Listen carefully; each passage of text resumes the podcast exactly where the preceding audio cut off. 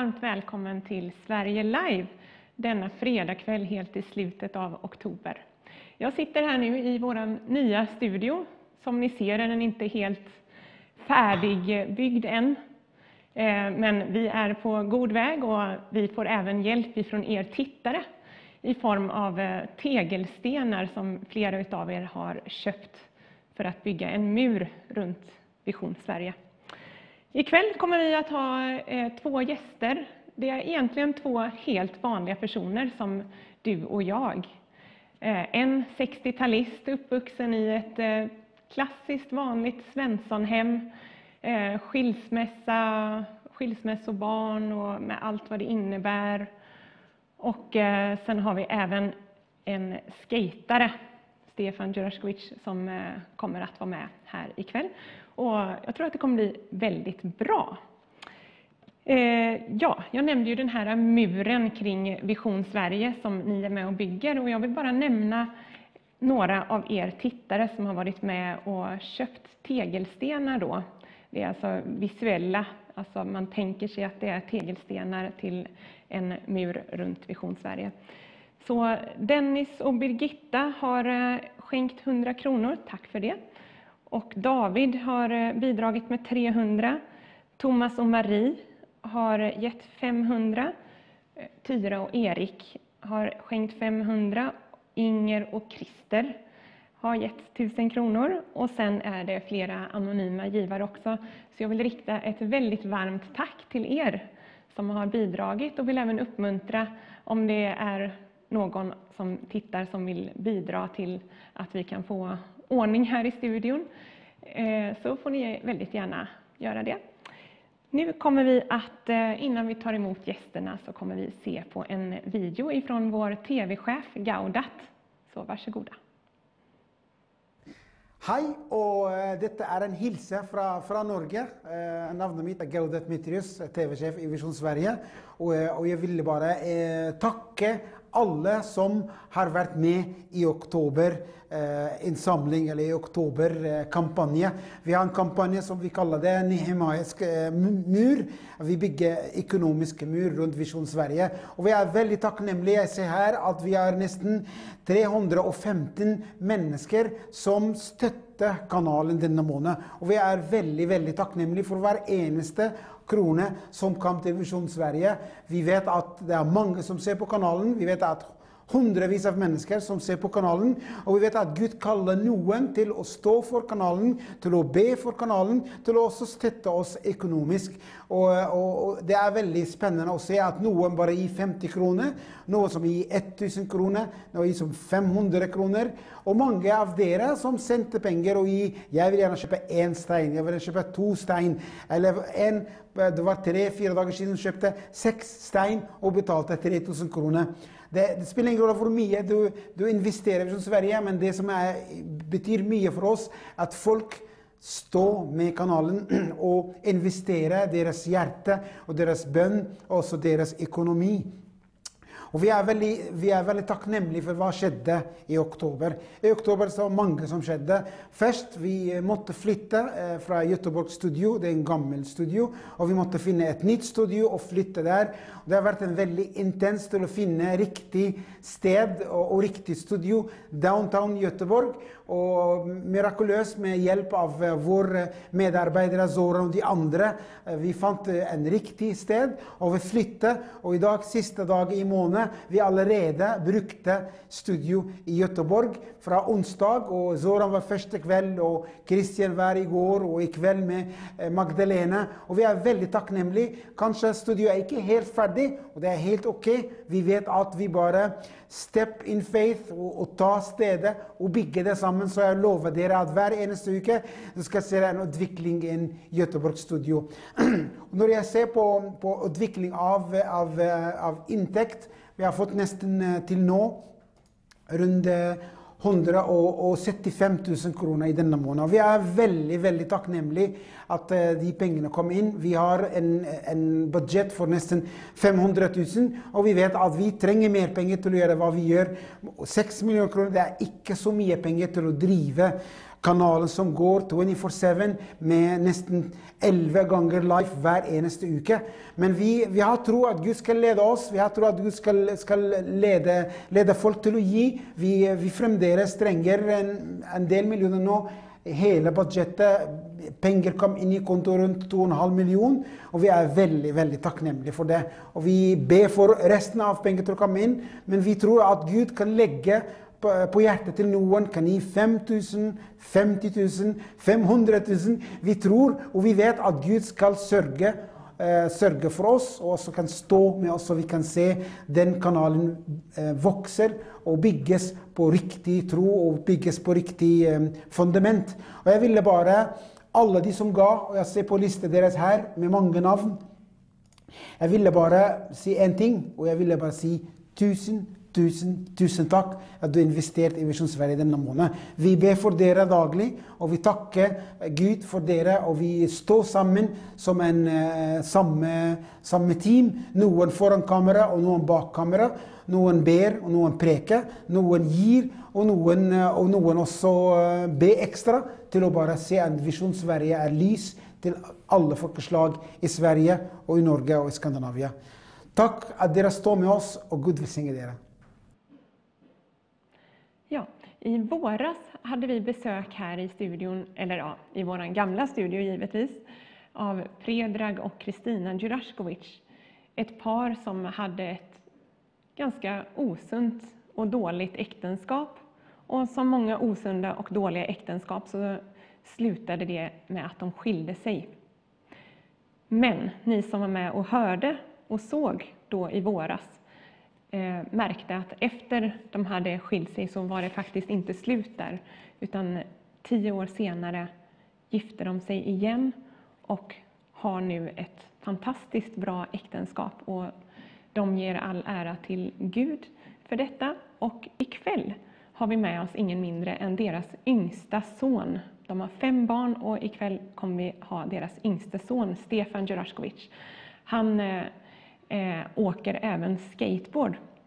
Och då kom jag att tänka på att för tio år sedan så försökte Vision Norge starta upp Vision Sverige.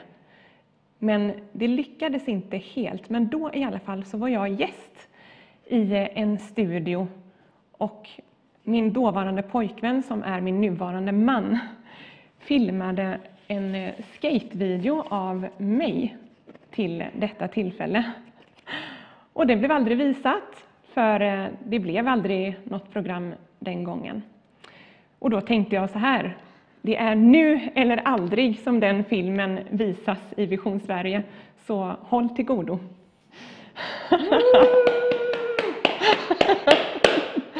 Ja, det var tider det.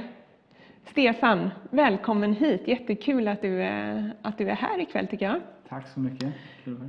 Du är ju faktiskt, jag sa ju att min dåvarande man, eller dåvarande pojkvän, nuvarande man, filmade det här av mig, men det var inte 100% sanning för att, eh, varför var inte det helt sant? Minst två sekvenser har jag filmat. Det är de trick man minns mest. Alltså det är de jag minns mest, mest. Ja, mm, okej. Alla som tittar vet vad jag pratar om. Ja, kul. Du, eh, Stefan. I eh, våras när eh, din mamma och pappa var här så berättade ju de att de eh, ja, inte hade ett så bra äktenskap och att din pappa var eh, ganska arg och så. Hur påverkade det dig under din uppväxt? Ja, ehm, alltså jag kunde känna av spänningen ibland liksom och när, när det var otryggt emellanåt och det var inte kul. Eh, det var det inte liksom. eh, det, det, det vill man inte gå igenom, man vill inte att andra ska gå igenom det heller. Så här. Men, eh, men Gud fanns ändå med och vi hade många fina människor omkring oss. Eh, Det betyder väldigt mycket. Så här. Men utöver de tillfällena liksom, så var jag nog som alla andra barn väldigt glad och väldigt aktiv och hade många goda vänner och sådär. Så eh, mm. Ja, hur gammal var du när de skilde sig? De separerade när jag var 12. Okej. Eh, De hade även separerat tidigare men jag fattade inte vad det handlade om då. Liksom. Och, så.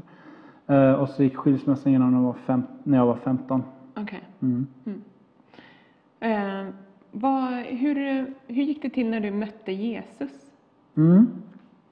Nej, men, eh, jag har alltid sett mig själv som eh, troende och alltid haft en väldigt positiv gudsbild. Eh, alltid tänkt att han är god och bryr sig om mig. Upplevde ett bönesvar här och där. Men eh, det var ändå de här tonårslägren eh, med, eh, som mamma och pappa skickade iväg mig på med mina kompisar på påsk och jul och, och sådär som blev avgörande för min relation och för min tro. Eh, När jag var 15 år så var jag på ett nyårsläger i Arvika med, en, med ett läger som kallades Team Evangelisation. Eh, och där en kväll fick jag bara en väldigt djup förvissning om att Gud älskade mig och det förändrade allt. Hur kunde du liksom bara få en förvissning om att han älskar dig? Det är, liksom, det är så svårt att beskriva med ord, men det var en andlig upplevelse. Jag bara förstod på något vis att, att Gud älskar mig och, och eh, det var som att mitt mörker förvandlades till ljus och eh, min osäkerhet byttes ut verkligen. Jag var, jag var en ganska osäker kille innan, liksom, väldigt beroende av bekräftelse från min omgivning. Som jag fick, men jag fick fuska ibland för att få den. Liksom, så här elaka skämt mot kompisar. Så, här. så länge någon skrattade så mådde jag bättre. Eh, Men efteråt så var det precis tvärtom. Jag, kunde, jag, jag ville verkligen bara bekräfta andras värde och möta andra med den här kärleken som jag hade upplevt. Eh, Så att, eh, det var underbart. Har du någon gång sedan dess tvivlat på att han älskar dig? Nej. Nej. Jo, Ja, jag bara, ja. jo absolut. Alltså, vissa tider så känns ja, det känns mer skymt på något vis vad Gud tänker om en. Och omständigheter, saker man går igenom. Så att, eh, och då är det väldigt nödvändigt att minnas liksom, vad Gud har gjort i ens liv tidigare. Men också att omge sig med trygga, bra människor som vill eh, en väl. Ja, du sa ju det att du var beroende av bekräftelse eh, på andra, från andra håll, från människor Ja. liksom och så. Och eh, eh, jag har ju känt dig ja, nästan hela ditt liv tror jag. Du var ju kompis med min brorsa Fortfarande. fortfarande. ja, precis. Du är, var och är. Eh, Men du var ju väldigt duktig på skateboard. Du var liksom eh, up and coming egentligen i, eh, i Sverige. Jag kommer ihåg vi var i Örebro en gång på en tävling som heter Millencolin Ja, Open. du var med ja. Mm. Eller jag kanske inte var med. Jag tror Du jag var med. Mm. Ja. Och då, då hamnade du på en god placering. Vilken var det? Ja, en väldigt god placering ja, precis. Ja, jag lyckades ta andra plats. Eh, Det var Ja. roligt. Det var en ganska härlig story i sig, hela den tävlingen. Ja, kan inte du berätta lite om, eh, Ja, men om jag det? eh, hade fått förbön av eh, folk i min kyrka hemma i Göteborg innan. Så här, för jag ville åka upp dit och vara ett ljus. Jag ville representera Jesus. Jag var väldigt ofta ensam skatare i, i, i en, ensam kristen menar jag, i, i skateboardsammanhang. Så att eh, jag tog lite förbön och sådär. Men jag var förkyld, jag mådde inte bra och hade eh, stukade fötter. Så jag tänkte Båda två? Jag tror, nej en, en stukad fot var det kanske.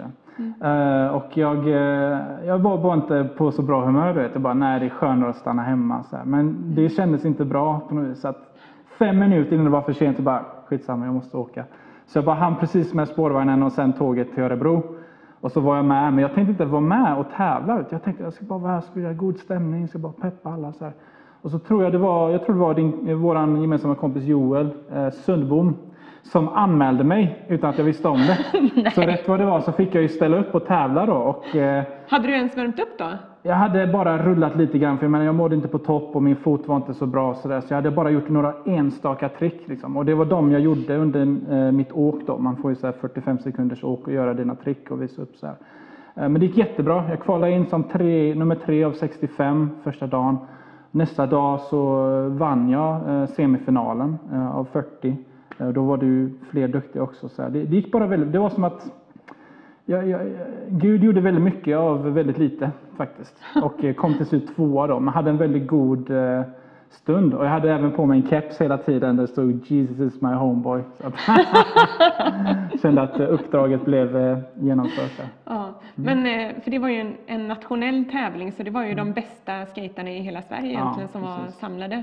Och var det inte så att, att eh, arrangörerna undrade vem, vem är det här? För du hade ju ingen sponsor eller så som, Mm. som flera av de andra i Nej, toppen hade. Nej, jag var väl precis i ett slags genombrottsskede i min skatekarriär då Mm. kan man säga. Så att jag hade ju Fredrik Larsson som sponsrade mig med eh, kläder. Sådär. Men utöver det var, var jag liksom inte Mm. Men det var ju ingen känd, det var nej, ingen nej, nej, det var ju en kompis eh, sponsor så, även fast Fredrik är fantastisk. Men eh, ehm, så att, eh, nej men precis så var det. Mm.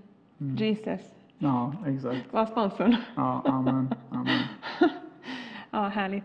Ja, Mm. Vi ska få höra mer om, eh, om skate och tro och så vidare. Men Mm. eh, jag tänkte vi skulle kolla på en film som är från runt den tiden. För du gjorde eh, projektarbete i, i gymnasiet, var det va? Mm. Och då gjorde du som projektarbete, vad för något? En skateboardfilm. Dokumenterade skateboardkulturen, filmade några av mina vänner och bekanta och eh, reste runt lite på tävlingar och så också. Mm. Och nu ska vi få se på din del i den här filmen. Precis. Innan eh, iPhones och allting var, innan det var lätt, när det var kassettband va? Exakt, Ja. små kassettband. Från vilket år är den? Den är från 2006. 2006. Ja, Mm. väldigt länge sedan. Då kör vi. Mm. Yeah, Stefan! Ja, tack. Ja, så du kom tvåa i Millencolin Open, var up and coming. Och eh, hur gick det sen?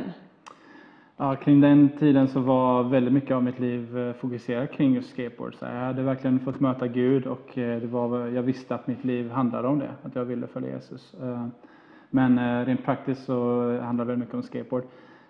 Och efter gymnasiet så hoppade jag på en bibelskola i, i, vid Götabro och de hade ett sånt här eh, internship praktikår eh, där man kunde jobba just med ungdomar och skateboard i Alingsås. Så det var därför jag eh, hakade på.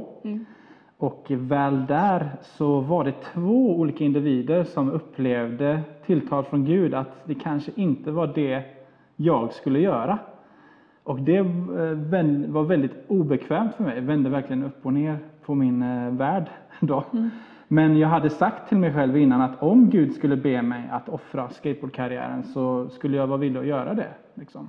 Jag trodde inte att det skulle hända så snart. Eh, Men jag fick eh, liksom, eh, när två olika personer ändå hade upplevt från Gud att jag kanske skulle någon annanstans, så kände jag att ja, jag är tvungen att be över det här. Liksom. Så det var en period på, jag tror två veckor då jag bad och, och funderade och lät det sjunka in och kom till en punkt där jag var helt överlämnad åt Gud. Alltså Gud, om du har något annat för mig, då är det det bästa. Och då i den stunden fick jag frid över ett annat alternativ. Och i princip innebar det att eh, min skateboardkarriär eh, lades på altaret liksom, och fick läggas åt sidan.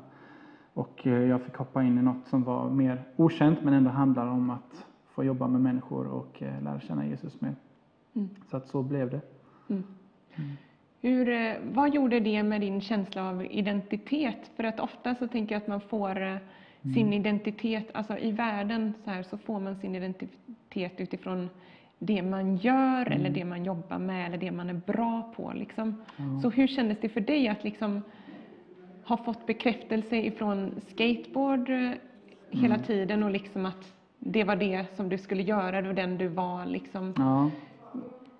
Hur kändes det? Vid den punkten visste jag ändå liksom att min djupaste bekräftelse kom från Jesus eh, och relationen med honom. Så att det var, ändå, det var ändå en bättre känsla att få gå in i det. Men givetvis var det okänt och man undrade lite vad man hade att ge eh, i det. Absolut. Så då istället för att hamna i Alingsås eh, i, vid skateparken där så hamnade du i En liten ort i norra Värmland som heter Ekshärad. Där de har en speciell Den har man inte hört talas om liksom. Nej. Ja. Och hur var det år? Du var där ett år då eller? Som en Två del- och ett halvt år blev det till Två slut. och ett halvt år. Mm. Ja. ungdomsledarroll och även kamratstödjare på ett högstadium. Så att, eh, fanns mycket ungdomars värld, eh, väldigt mycket innebandy där. Eh, men jag fick faktiskt väldigt god kontakt med de som åkte skateboard på orten där. Så att det kändes ändå väldigt meningsfullt att vara där och eh, en del av dem har lite kontakt med fortfarande.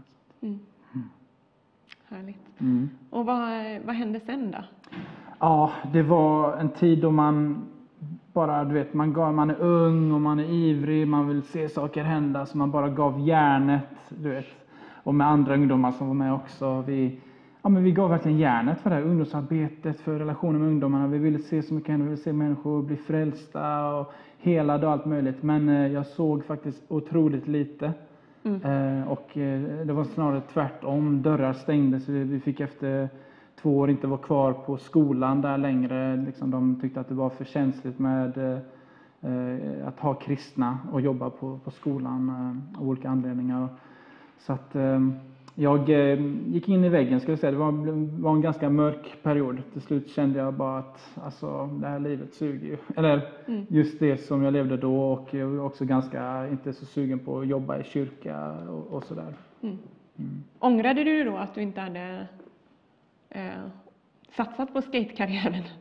Nej, det gjorde jag inte. Det var ändå så pass starkt för mig att eh, det var på något Ja. sätt. Och jag var väldigt överlåten det sammanhanget. Jag hade varit kvar där nästan än idag om det hade funkat. Men, men det gjorde det inte, utan eh, de beslutade där eh, att inte fortsätta ha ungdomsteamare. Så att vi som var där eh, hade inget val helt enkelt än att hitta något annat. Men vad gjorde du då av den här känslan av utbrändhet och dis, disillusion? Precis. Ja, det, ja, det, det är spännande att tänka på egentligen. Men jag hade kvar min längtan efter Gud. Jag visste att det fanns mer. Jag visste att det fanns så mycket som läste om i Bibeln. Så mycket jag eh, hörde från andra delar av världen som Gud gör. Och jag visste att jag, jag längtade efter det. Och Jag hade själv eh, jag hade upplevt Jesus kärlek när jag var 15 och jag blev helad i mina knän eh, när jag var 16 året Jaha. efter. Också på ett sånt där ungdomsläger. Underbart det var. Kan inte du berätta om hur, om Ja, den men, händelsen? eh, nej, men som sagt, jag hade problem med mina knän för jag växte väldigt snabbt under den tiden och det hindrade mig bland annat att åka skateboard. Så att på det här ungdomslägret i Norrköping var det det nyåret, fick man för, möjlighet till förbön. Så jag gick tre gånger totalt. Första två gångerna hände ingenting. Men jag tänkte, alltså Gud, om det, om det stämmer det som står i Bibeln, då bör jag vill uppleva det personligen. Liksom. Och eh, tredje gången jag gick, då var det en man som bad för mig och bara kände eh, värme i båda mina knän. Och eh, han sa, jag tror nog att det hände någonting. Ja, jag tror också det. Så att eh, jag gick och testade det första bästa jag kunde hoppade ner för en ganska stor trappa och kände ingen smärta alls i mina knän. Så att det var verkligen ett vittnesbörd för mig om Guds helande kraft. Och det gjorde också att jag gärna ville se det hända mer och för andra. Mm, så då hade du upplevt både hans kärlek i, din, Mm. i ditt hjärta liksom, och Precis. hans fysiska helande i dina knän. Exakt. Så då visste du att du hade fått smaka en liten droppe och visste att här, här har vi en källa Mm. av levande vatten, Ja, som. Bibeln säger. Amen. Jo, men verkligen. Ja, och så hade du fått smaka en droppe av det vattnet. Precis. Ja. Och eh, på vilket sätt eh, sökte du? Då, då vis, du visste att det fanns mer. Och vad, hur sökte du, eller hur gick du tillväga? Liksom? Det slutade med att jag och en god vän till mig, Carl Fredrik Nyberg, vi hade bara ett år innan fått en eh, ganska random dröm, eller vision, att vi skulle bege oss ut i Sverige, i, i Norrland närmare bestämt. Väldigt exotisk plats.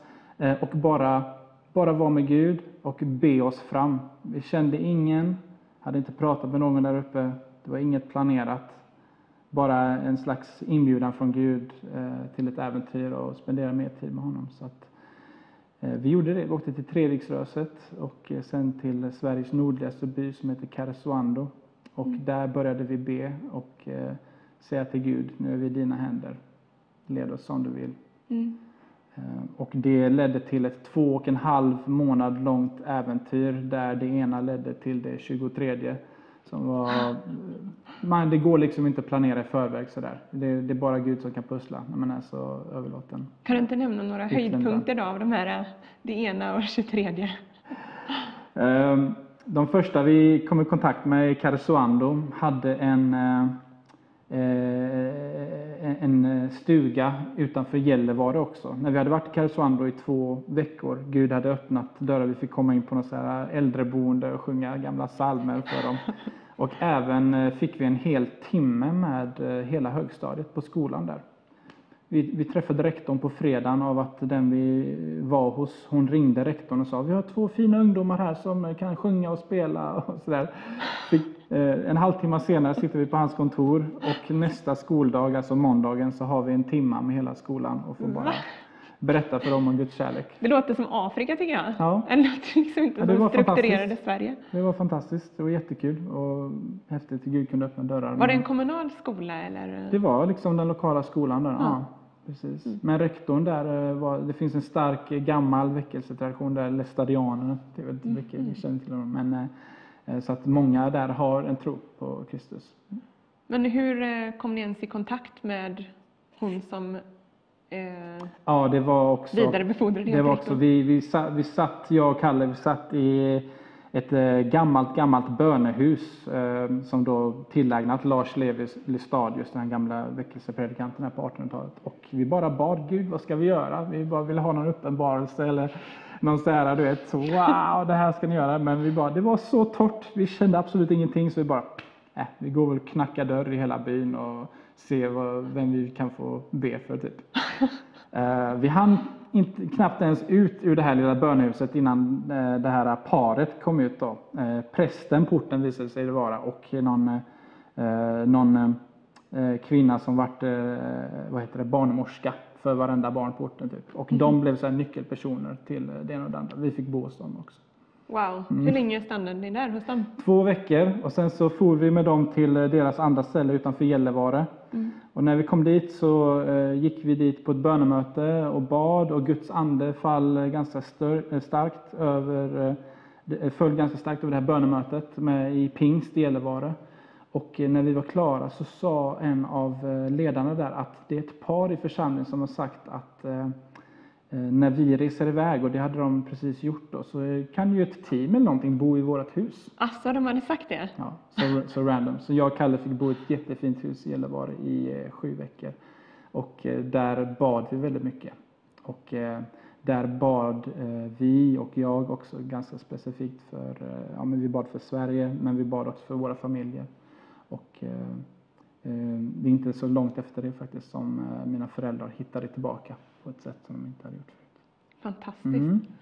Men eh, du berättade här tidigare att, eh, att Gud la vissa specifika Ja, Böneämnen? precis. Ja, det var bara vissa saker jag kände jag skulle be för och eh, eh, som, som Gud eh, ganska tydligt gjorde. Det känns som att det, det hände liksom. Jag tror att ibland ger Gud väldigt strategiska saker. Bara en visshet, du ska be för det här och för det här och eh, eh, så blir det så. Ja, för, er som inte, för dig som inte har sett eh, vittnesbördet av Predrag och Kristina, Stefans föräldrar, så hade jag dem här som gäster i studion i våras. Så gå gärna in på vår hemsida och sök upp eh, antingen på Magdalena Hansen så kan ni hitta med Predrag och Kristina eller sök på deras namn. Det är verkligen ett, eh, ett sevärt program. Och, eh, ja, så, så det här, här är liksom behind the scenes Lite så eh, till, eh, till det programmet och till det Ja, jag tror det vittnesbördet. faktiskt. Mm. Mm, mäktigt. Ja, vi, ska, vi ska få höra mer om, eh, om din eh, om ditt, din, sök, ditt sökande Ja. efter Gud. Mm. Men vi ska lyssna till en sång tillsammans Ja, först vad här. Mm. Ja, I must have you.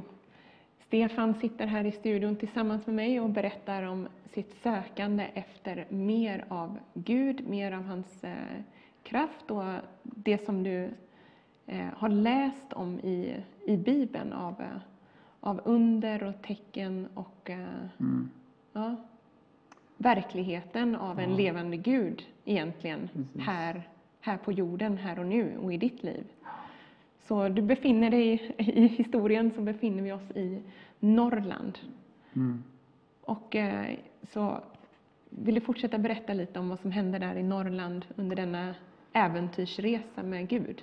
Det var underbart för under två och en halv månader så vi sökte egentligen inte upplevelser, vi sökte inte mission, vi sökte inte möjligheter, vi sökte egentligen bara Gud. Och allting annat bara hände från det. Eh, Så väldigt prestige, prestigelöst men ändå väldigt eh, spektakulärt. Eh, I alla fall för mig vid den tiden. Och, eh, någonting underbart var, vi bara kände verkligen Guds omsorg så starkt och så tydligt. Eh, och hur våra barnaskap eh, förnyades. Liksom. Vad menar du med det, att barnaskap förnyades? Det bara kom, det bara handlade bara om det igen, att vi var älskade barn till Gud och att Mm. han verkligen tar hand om oss. Det är inte bara en fin sång, utan det var vår eh, upplevelse verkligen. Så man kan alltså uppleva att vara Guds barn. Ja. Det låter lite så här, jag ska, jag ska inte säga vad det låter som. jag, vet inte, jag vet inte vad du tänker på. Nej, vi struntar i det. Ja. Nej, men, Det låter eh, helt fantastiskt. Ja, men alltså vi hade verkligen vad vi behövde och Gud eh, öppnade dörrar och det var aldrig att vi behövde liksom eh, vädja om att folk skulle ta hand om oss. Eh, Någon gång var det någon som stöttade med så pengar för att kunna bo en natt på vandrarhem. Eh, Men det var folk som villigt eh, ville göra det. Liksom. Som ni träffade på i, no- Eh, nej, utan det var någon från hemifrån då, Okej. som kände till vad vi gjorde. Vi uppdaterade folk om allt som hände och så där. Men eh, eh, det var, ja, Gud tar verkligen så fint eh, hand om oss. Och, eh, vi började också, när man spenderar tid med Gud, vi började komma in mer i längtan för vad Gud ville göra. Eh, där vi var, i Gällivare just då, och, eh, men i Sverige också. Kom från den resan med en väldig tro och förväntan på vad Gud vill göra Mm. eh, i Sverige. Härligt. Träffade ni någon mer nyckelperson liksom eh, som, ja, som gav er på något sätt nycklar, mer än nycklar till ett fint hem i Gällivare? Vi träffade ju en väldigt eldig etiopisk man som eh, spenderade mycket tid i bön och talade väldigt mycket hopp och tro in i våra liv. Jag hade aldrig varit med om något liknande förut, eh, men väldigt uppmuntrande. Väldigt duktig på att leda i bön och lägga ut eh, ordet också. Och han blev en personlig mentor för mig faktiskt efter den resan. Jaha. Mm. Har du kontakt med honom idag? Ja, inte jättemycket faktiskt nu, men vi har fortfarande kontakt. Wow. Mm. Så efter två och en halv månad så kom ni hem till Ja. Göteborg. Till våra respektive, Kalle till Småland, jag till Göteborg. Mm. Eh, Jag började jobba hemma igen och eh, bar på den här längtan efter mer, efter Gud, av Gud, mer av vad Gud vill göra i Sverige. Försökte peppa allt som fanns och rörde sig att eh, vi ska spendera tid i Guds närvaro, vi ska be, vi ska fasta och evangelisera allting. Och, det, det var härligt. Det var en härlig tid och samtidigt också kände jag och såg att eh, det var ändå ett visst glapp mellan min erfarenhet och vad jag läste om i Bibeln. Vad läste du om i Bibeln? Kan Ja, du ge jag, några jag, exempel? tänker, vad du tänker på? jag tänker specifikt på evangelierna och apostlagärningarna. Um, min upplevelse är att det går inte att läsa dem utan att bli provocerad eller längta efter mer av det övernaturliga, Guds kraft. Mm. Kan Eh, du berätta lite om vad som står där? Ifall det är någon som kanske inte Jag tänker just, eh, nej, men jag tänker just helande, liksom det övernaturliga, det som inte människor kan göra, det som inte eh, mänsklig medicin kan åstadkomma. Alltså, eh, bevisen om, genom Guds kraft att Gud är god och mäktig och, och att människor därav kommer till tro. Mm. Det vill jag se väldigt mer, mycket mer av. Så hur gick det vidare nu i ditt sökande? Nu har du varit Mm. i Norrland och liksom sökt och upplevt, och, men hungern hade inte blivit stillad ändå, Mm. trots att du fick, liksom, Mm. om vi nu tar den här metaforen med levande vatten, trots att du fick dricka Precis. ännu lite mer av det levande vattnet så, Precis. så var din törst inte stillad ändå. Nej. Nej. Och nyckeln kommer här då. Eh, Innan vi åkte till Norrland hade jag eh, några av mina vänner, våra gemensamma vänner, åkt till eh, Bethel i Redding, California. Och kommit hem därifrån med otroliga vittnesbörd om Guds kraft och helande och sånt som man bara, det är ju det här som saknas, det är det här man vill se och uppleva. Så att det vart ju lite en, eh, en försmak för vad man tänkte att Gud hade för en. Men, eh, eh, och då var det en liten stund efter att jag kom hem från Norrland som jag började själv kolla på Bethel TV, deras gudstjänster och lovsång och vittnesbörd och så här. Och jag bara märkte liksom att det här blåser på elden i mitt hjärta, det här blåser eh, på glöden liksom. Och jag bara visste att wow, jag vill ta emot härifrån. Eh, Och efter något år så slog jag fast att istället för att bara kämpa och be och för att se massa saker hända i mitt liv och här i Sverige så kanske det kan vara en, en god investering att åka ett år dit och gå på deras skola. Men eh, vad gör det för skillnad att liksom söka Gud själv personligen och att åka till ett ställe och söka Gud tillsammans? Det finns ett ordspråk som säger att eh, järn skärper järn och så skärper en människa en annan. Eh, och jag insåg det när jag var på Bethel att jag behöver ta emot från andra. Det handlar inte bara om min relation med Gud. Gud har gjort det så att vi ska eh, hedra andra människor. Vi ska se vad de har upplevt och vi ska få ta emot från dem. Givetvis pröva det i vår egen relation med Gud och mot Bibeln. Men eh, Gud har gjort det så att vi tar emot från andra. Mm. Eh, Så att det blev en jättenyckel för mig att jag sökte upp det sammanhanget, till slut fick eh, ro och frid att åka dit. Eh, Och eh, det blev en otrolig tid av genombrott för mig just i de här områdena. Av att se människor bli helade och börja fungera mycket mer flödande i profetiska gåvan och eh, andra spännande saker. Eh, vad, vad innebär den profetiska gåvan? Vad är det för något? Det är helt enkelt att förmedla ett budskap från Gud till någon annan. Eh, och det behöver inte vara jättedramatiskt. Det kan bara vara så enkelt som att säga vad fin du är idag. Eller bara, jag tror bara Gud vill säga till dig att du är väldigt värdefull. Eh, men det kan också vara lite mer dramatiskt. Men hur vet man att det är från Gud då, att säga vad fin du är idag? Ja, man, eh, det handlar ju för, först och främst om att ha Guds hjärta för människor. Gud är ju kärlek och Gud vill uppmuntra, Gud vill bygga upp, han vill inte förstöra utan han vill ge liv och liv i överflöd. Så att, eh, om man har ett hjärta att uppmuntra och bygga upp andra, då kan det nästan inte bli fel eh, vad du än säger.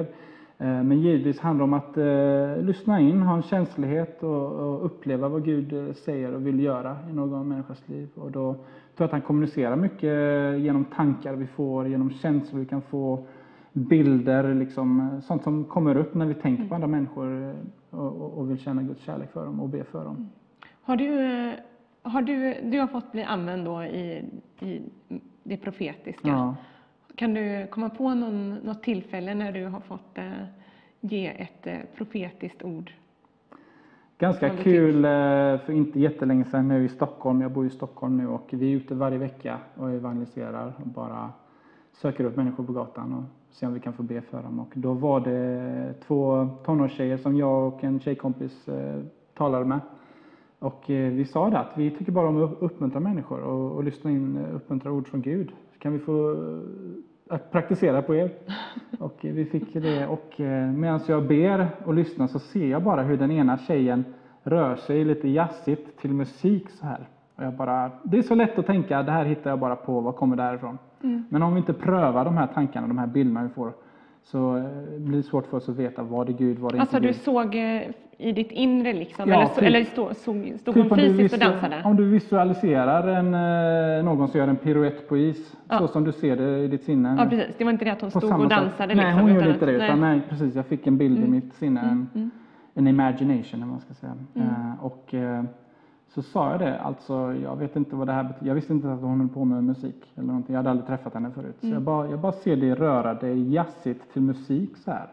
Så eh, bara fråga liksom vad det betyder. Och då hade hennes sånglärare veckan innan sagt till henne att jag tror att jazz är din genre av musikstil. Okej. Så hon blev ju helt paff när hon fick höra det. här. Kolla på sin kompis. Den där chockfaktorn du vet. Ja. Hur kan han veta det? Eller var kom det ifrån? Så att, och det, det har hänt många gånger. Och det handlar helt enkelt bara om att Gud vill visa att han känner dem, han älskar dem. Eh, och det är liksom, allt är inte bara en slump. Så det började fungera lite i det profetiska på Norrlandsresan, var Ja. det så? Och sen eh, i Bethel så vidare. Det blommade ut där. Det blommade ut där, väldigt ja. god eh, undervisning kring det profetiska och även väldigt bra miljö att få träna och öva och bli mer bekväm med Guds språk. Du hade ju en väldigt stark upplevelse av Guds närvaro Ja, där. precis. Kan du berätta om, eh, eller vill du berätta om det? Den är så stark som man knappt vågar berätta.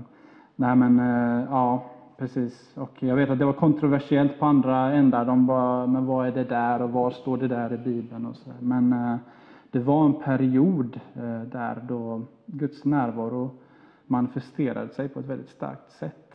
Eh, så att det, eh, det blev liksom fenomen i rummet som alla kunde se och en del kunde ta på det. Eh, och sånt sker eh, lite här och var runt om i världen. Men egentligen är det inte så häpnadsväckande, för vi ser det i Bibeln också, att eh, Gud manifesterar sig i sin närvaro och sin härlighet med eh, tecken, under och, och fenomen av olika slag. Så att, eh, men ska jag berätta just om den Ja, upplevelsen? om du vill. Det var alltså på ett av mötena då en av talarna bara berättade vittnesbörd om hur Gud hade mött honom, hade sökt Gud och spenderat tid i lovsång och sådär och mött Gud väldigt starkt. Och så bara upplevde han i mötet att låt oss bara vänta lite, låt oss bara ta det lite lugnt. Och så bara känner vi hur Guds närvaro tilltar i rummet. Och eh, till slut så Eh, och det blir väldigt starkt. Jag har till och med svårt att andas för att det är så starkt. Det är Men inte, det låter ju inte som någonting gott om man har svårt att andas. nej, det var inte obehagligt överhuvudtaget, men det var bara en sån mättad atmosfär att Gud är här. Eh, Så det var inte alls obehagligt, utan det var bara Gud på något sätt manifesterar sin närvaro på ett sätt som jag inte hade varit med om innan dess. Och, eh, och det blev även lite sån här eh, gold dust som man talar om då, alltså det började glittra i rummet. Och det är liksom, det finns, jag tror inte det finns någon effekt som kan åstadkomma det som hände där. Och alla bara visste att Gud är här och vi bara njuter av Alltså hans det började närvaro. glittra i, i luften liksom. Ja, i- luften runt omkring oss, överallt. Kunde du, liksom, kunde du, var det nära dig? Mm. Hur det var? Jo, jo, men man såg det. Och... Men kunde du liksom sträcka ut dig och Ja, röra vid dig? Eller var det som dimma, det är alltid längre bort? Nej, ja. Nej, men det var runt omkring en liksom. Det fanns andra tillfällen då det var mycket starkare än just den här kvällen då jag var med. Det var ju en, en period av eh, ett år ungefär som det kom och gick, eh, det här fenomenet. eh, Så att, eh, Som Bill Johnson säger, it's a sign that makes you wonder. Mm. Mm. Men eh, eh, kan det ha varit liksom eh, någon effekt Ja, som någon har man får gärna ställa den guld? frågan. Jag har, jag har inget problem med att folk ställer den frågan, men jag är 100% övertygad om, att det Mm. inte var så. Du är personligen övertygad Mm. det? Mm. För att, just för att du kände den i Det atmosfären? handlade eller? inte om fenomenet, det handlade om Guds närvaro och Mm. eh, det andra var bara liksom, saker händer när Gud kommer in i rummet. Mm. Wow. Mm. Ja, i, i Apostlagärningarna så står det att tungor som av eld visade sig över de troende som var samlade till bön. Mm. Det är också egentligen ett eh, visuellt fenomen Ja, eh, av Guds manifesterade närvaro. precis. Och även eh, när Guds härlighet uppfyller templet, när de inviger templet i Salomos Mm. tempel i Gamla Testamentet. Var det rök då eller? Då kom det ett moln, ett Mm. härlighetsmoln som uppfyller templet och ingen, ingen kunde vara där. Så det är intressant att det händer nu. Ingen kunde vara i Guds närvaro där i templet då, men nu så uppfyller det hela rummet där alla vi var. Kanske det är Jesu blod som är skillnaden på ett sätt. Jesu blod. Mm. Att vi är en plats där Guds närvaro kan bo nu tack vare försoningen. Att alla våra synder är förlåtna. Wow. Mm. Ja, men Guds närvaro i templet där var alltså så stark. Det var invigning av templet. Mm. Men ingen kunde vara med på invigningen förutom Gud. Typ så. För att det var så starkt så man kunde liksom inte... Han ville väl se sig om innan någon annan gick in där. Ja. Och även att, att ni som var där kunde vara i rummet då. Så sa du att du beskrev det som att det var väldigt tung Ja, det atmosfär var liksom det mättat. nästan, liksom. mättat Det- Man kände det över bröstet liksom att det nästan inte gick att andas men det var, det var, ändå liksom, inte obehagligt. det var en helig, ett heligt ögonblick. Liksom. Ja. Det, man fick verkligen en respekt, en vördnad för Gud. Mm. Ja. Gud är ändå Gud. Ja, Alltså universums eh, skapare och herre. det, Och liksom, ja, det, är Och sjukt, då- det är sjukt att tänka på egentligen. ja. Ja. Och du har fått liksom uppleva det på ett speciellt sätt där. Ja, och du med också. På Mm. många sätt. Ja, det har jag verkligen. Jag känner, Men jag har nog, inte sett ett jag har nog upplevt Gud liknande i andra sammanhang också. Mm. Så här, alltså att Guds närvaro är verkligen stark. där, Men inte just på det, inte så starkt faktiskt. Nej. Mm. Wow.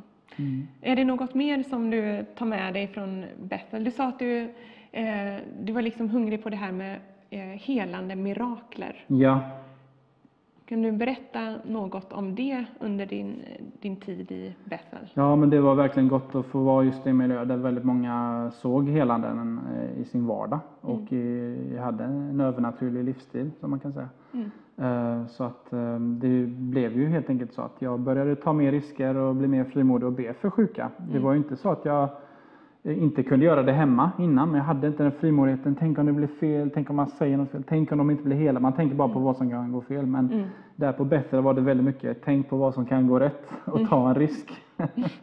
Så att jag började göra det och eh, folk blev helade. De kunde bekräfta liksom att smärtor försvann, de kunde göra saker de inte kunde göra innan. Och så. Men kan inte du berätta något specifikt eh, mirakel mer än att Ja, det var lite roligt. Eh, Under mitt tredje år så var jag ju praktikant just med evangelisationen, där det handlar mycket om att gå ut på gatan och be för människor. Och då fick jag det uppdraget att ta med mig ett team av förstaårselever. Nu skulle jag, tredjeårseleven, visa hur, hur det här går till. och det är nog alltid Gud som gör det, så att det är så här, ja, hur ska det här gå? Men eh, vi hittade en man som satt i rullstol eh, för att han hade fått sin fot eh, bruten, överkörd av en bil ett år innan. Och eh, han var jättepratlad bara ute så här och tycker om att prata med människor. Och vi pratade med honom. Till slut fick vi lov att be för honom. Och eh, så frågade vi då om han känner någonting. Han bara, vad är det som händer? Min fot är hur varm som helst. Okej. Och när folk säger att de känner värme, då tror vi ofta att Gud verkar. Så att vi vill ju, du vet, nästan säga, kan du göra något med den? Och vi vill ju gärna få honom att försöka gå på den. Men vi hann inte ens säga någonting innan han själv ställde sig upp och började gå omkring och inte hade någon smärta i foten alls. Så att, eh, det var väldigt kul. Wow, Mm. mäktigt. Eh, vi ska ta och se på en eh, video om eh, vår sociala media här på Vision Sverige och vi har kvar Stefan här även efter detta. Välkommen tillbaka till oss i Norge med en hilse från Norge till TV Vision Sverige och alla som ser på. Och det är idag en sista dag in i, in i oktober eh, som vi är på luften och jag har med mig Nick Krishnik, den albaner som jobbar för Vision Norge och Vision Sverige. Han snackar inte svensk, han snackar inte norsk. Han snackar albansk och engelsk. Men språket er ikke en hindrens. Det er bare vi, vi klarer å løse masse ting selv om vi eh, snakker ikke samme språk. Vi har samme hjerte. We have the same heart even if we don't understand, understand each other in the same language. Yes, Yes. yes, yes, yes. yes. Nick, uh, today is the last day of October. How was October for Vision Sverige in uh, the social media? Yeah, uh, it's been it's been not only October, but uh, taken from the summer and here, it's been a great great season of growth. Det har vært en utvikling fra ikke bare den i oktober, men fra, fra sommeren. Fra, det har vært utvikling hele veien. And uh, it's exciting to see data behind what we do and to read numbers. Det er spennende å se eh, da, statistics og, og antall av ting som skjer mens vi jobber. And uh, and I believe uh, with all this Corona thing, we are fighting worldwide. I think uh, social media and our presence being online, it's been, I really believe strongly, a blessing and great tool. Jeg tror det er også veldig viktig med det koronasituasjonen, og at folk er mer er opptatt av sosiale medier. Og sosiale medier er en veldig viktig verktøy til å bruke det i denne tiden. It's been a great tool to build uh, God's kingdom in Scandinavia. Det, var, det er veldig sterk og viktig verktøy til å bygge i Skandinavia med, for Guds verk. Men Nick, how do you see you follow the social media like, like uh, Vision Sverige uh, every day? What, what do you notice that is developing? The, the engagement of people, it's so much bigger. Jeg spurte han hva, hva, hva, hva føler du som utvikler seg rundt Visjon Sverige sosiale medier. Han sier det, det, det utvikler seg, det er mer engagement, det er mer folk er involvert, og det, det utvikler seg. And uh, people communicate with us, they share with us prayer requests, they ask us for uh, more programs. Folk bare kommuniserer med oss, de spør oss om bønn, masse, respo- ma- masse eh, spørsmål om bønn, og også om, og spør om forskjellige typer programmer. And seeing all that respond from the people really encourage us, but also make make us to be more responsibility to work more hard and give more values. Altså, det er viktig at det, det, gir oss litt mer ansvar når vi føler at det er mange som følger oss, og som, som ser på oss som en, også en, en, en, en source of hope, eller som en, en viktig verktøy for dem. And uh, yeah. Hva, what is, if you have a wish for Vision Sverige till the rest of the year, what would that be? My wish, my desire spurte han, hvis, hvis du ønsker en ting til Visjon Sverige til eh, slutt av året 2020, hva det skulle være? I really love to vision Sverige in social media, especially Facebook, to reach 30k, 30,000. Så jeg ønsker at Visjon Sverige nådde 30 000 med followers inn i Visjon Sverige før nytt år.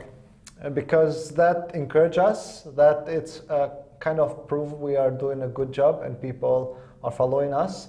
But also, besides a good number, big number, it's like more people we reach, more people we invest in their life. Så det, det, det oppmuntrer oss at vi ser det er mer og mer folk som følger oss, og vi gjør noe riktig. Men også det er viktig at vi ser at, vi, eh, at folk, det er viktig for folk at folk får oppmuntring gjennom eh, vår sosiale medier.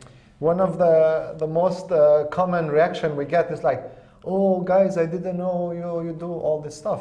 Vi, vi, vi får en del resp- responser at 'Å, jeg visste ikke om dere, at dere gjør alt dette'. And I believe uh, with your help, more people can hear and more you can share and more you can be part of it, more people get blessed. Så jeg tror gjennom deres hjelp dere kan hjelpe oss også å dele med andre, så andre også vet om det, og andre vet om hva vi driver med. Nick, the last question. You are not only uh, working and helping us in Vision Sverige, but also you have responsibility for Vision Heaven. Yeah. What is Vision Heaven? Jeg spurte han, du er ikke bare hjelper oss med, med sosiale medier for TV Vision Sverige, men du også jobber med TV Vision Heaven. Hva er det noe? Yeah, uh, every time I talk about vision heaven, it's like you know that it's a proverb say like if you want one job to be done, give it to the person who have already a hundred. Altså, det, er- når jeg snakker om TV Vision Heaven, det er vår engelsk kanal, det er, det er, en, det er en, en ord, en, en visdom som sier at hvis du, vil, hvis, du får, hvis du vil at noe blir gjort, gi den, den oppgave til en som allerede har 100. And I believe God really saw what we do with Sverige and Norge, and I think He added in our plate vision heaven. Jeg tror at Ga- Gud sa, så hva vi gjør i TV Vision Norge og TV Vision Sverige, og da han, han ga oss en oppmuntring til en tredje kanal som er TV Vision Heaven. Yeah, growing it's not easy, but it's not impossible with God. Ja, og vekst, growing, Grow, yeah. Ja, vekst er ikke så, så enkelt, men det er ikke umulig med Gud. TV Vision Heaven TV Vision Heaven is an English channel that reaches to many, and it's, Yes. it's on social media and web. Yeah, and I believe God said like, okay, guys, you're doing a great job in Norway and Sweden, but also other nations are close to His heart. And I believe He believed us with this new vision and this thing He gave it to us to build as a family TV Vision Heaven and reach more, not only Scandinavia. Eh, eh, jag tror också Gud så att vad vi gör i Norge, och TV Vision Norge och Vision Sverige, men också han gav oss TV Vision Heaven, så genom Vision Heaven också vi vill singa många nationer som icke snackar skandinavisk språk, och genom detta många blir välsignade. And one last thing, like for me coming from Albania to Scandinavia, I didn't know a lot about Scandinavia. For meg som kommer fra Albania til Skandinavia, jeg visste ikke så mye om Skandinavia. And I believe Vision Heaven is going to be a great ambassador of Scandinavia church, Scandinavia Christian people to the world. Og jeg tror at Vision Heaven skal være en ambassadør som kan representere og vise mange menigheter og skandinaviske kirker til de folk som ikke skjønner skandinavisk språk. And I believe and I see that many nations need to take teaching from Scandinavia, from Scandinavia history, Norway, Sweden, you know, like you have a lot, guys, to give to the world. Altså, jeg tror også at eh, mange nasjoner skal få opplæring av, av historie, også en undervisning fra Skandinavia, til, fordi det er mange gode ting som dere sitter med i Skandinavia, som kan velsigne mange andre i, i andre land. Yeah. Nick, thank you so much. Stand strong November and December, and we Amen. we pray in Jesus' name that we will develop into 30,000 Amen. followers in TV Vision Sverige.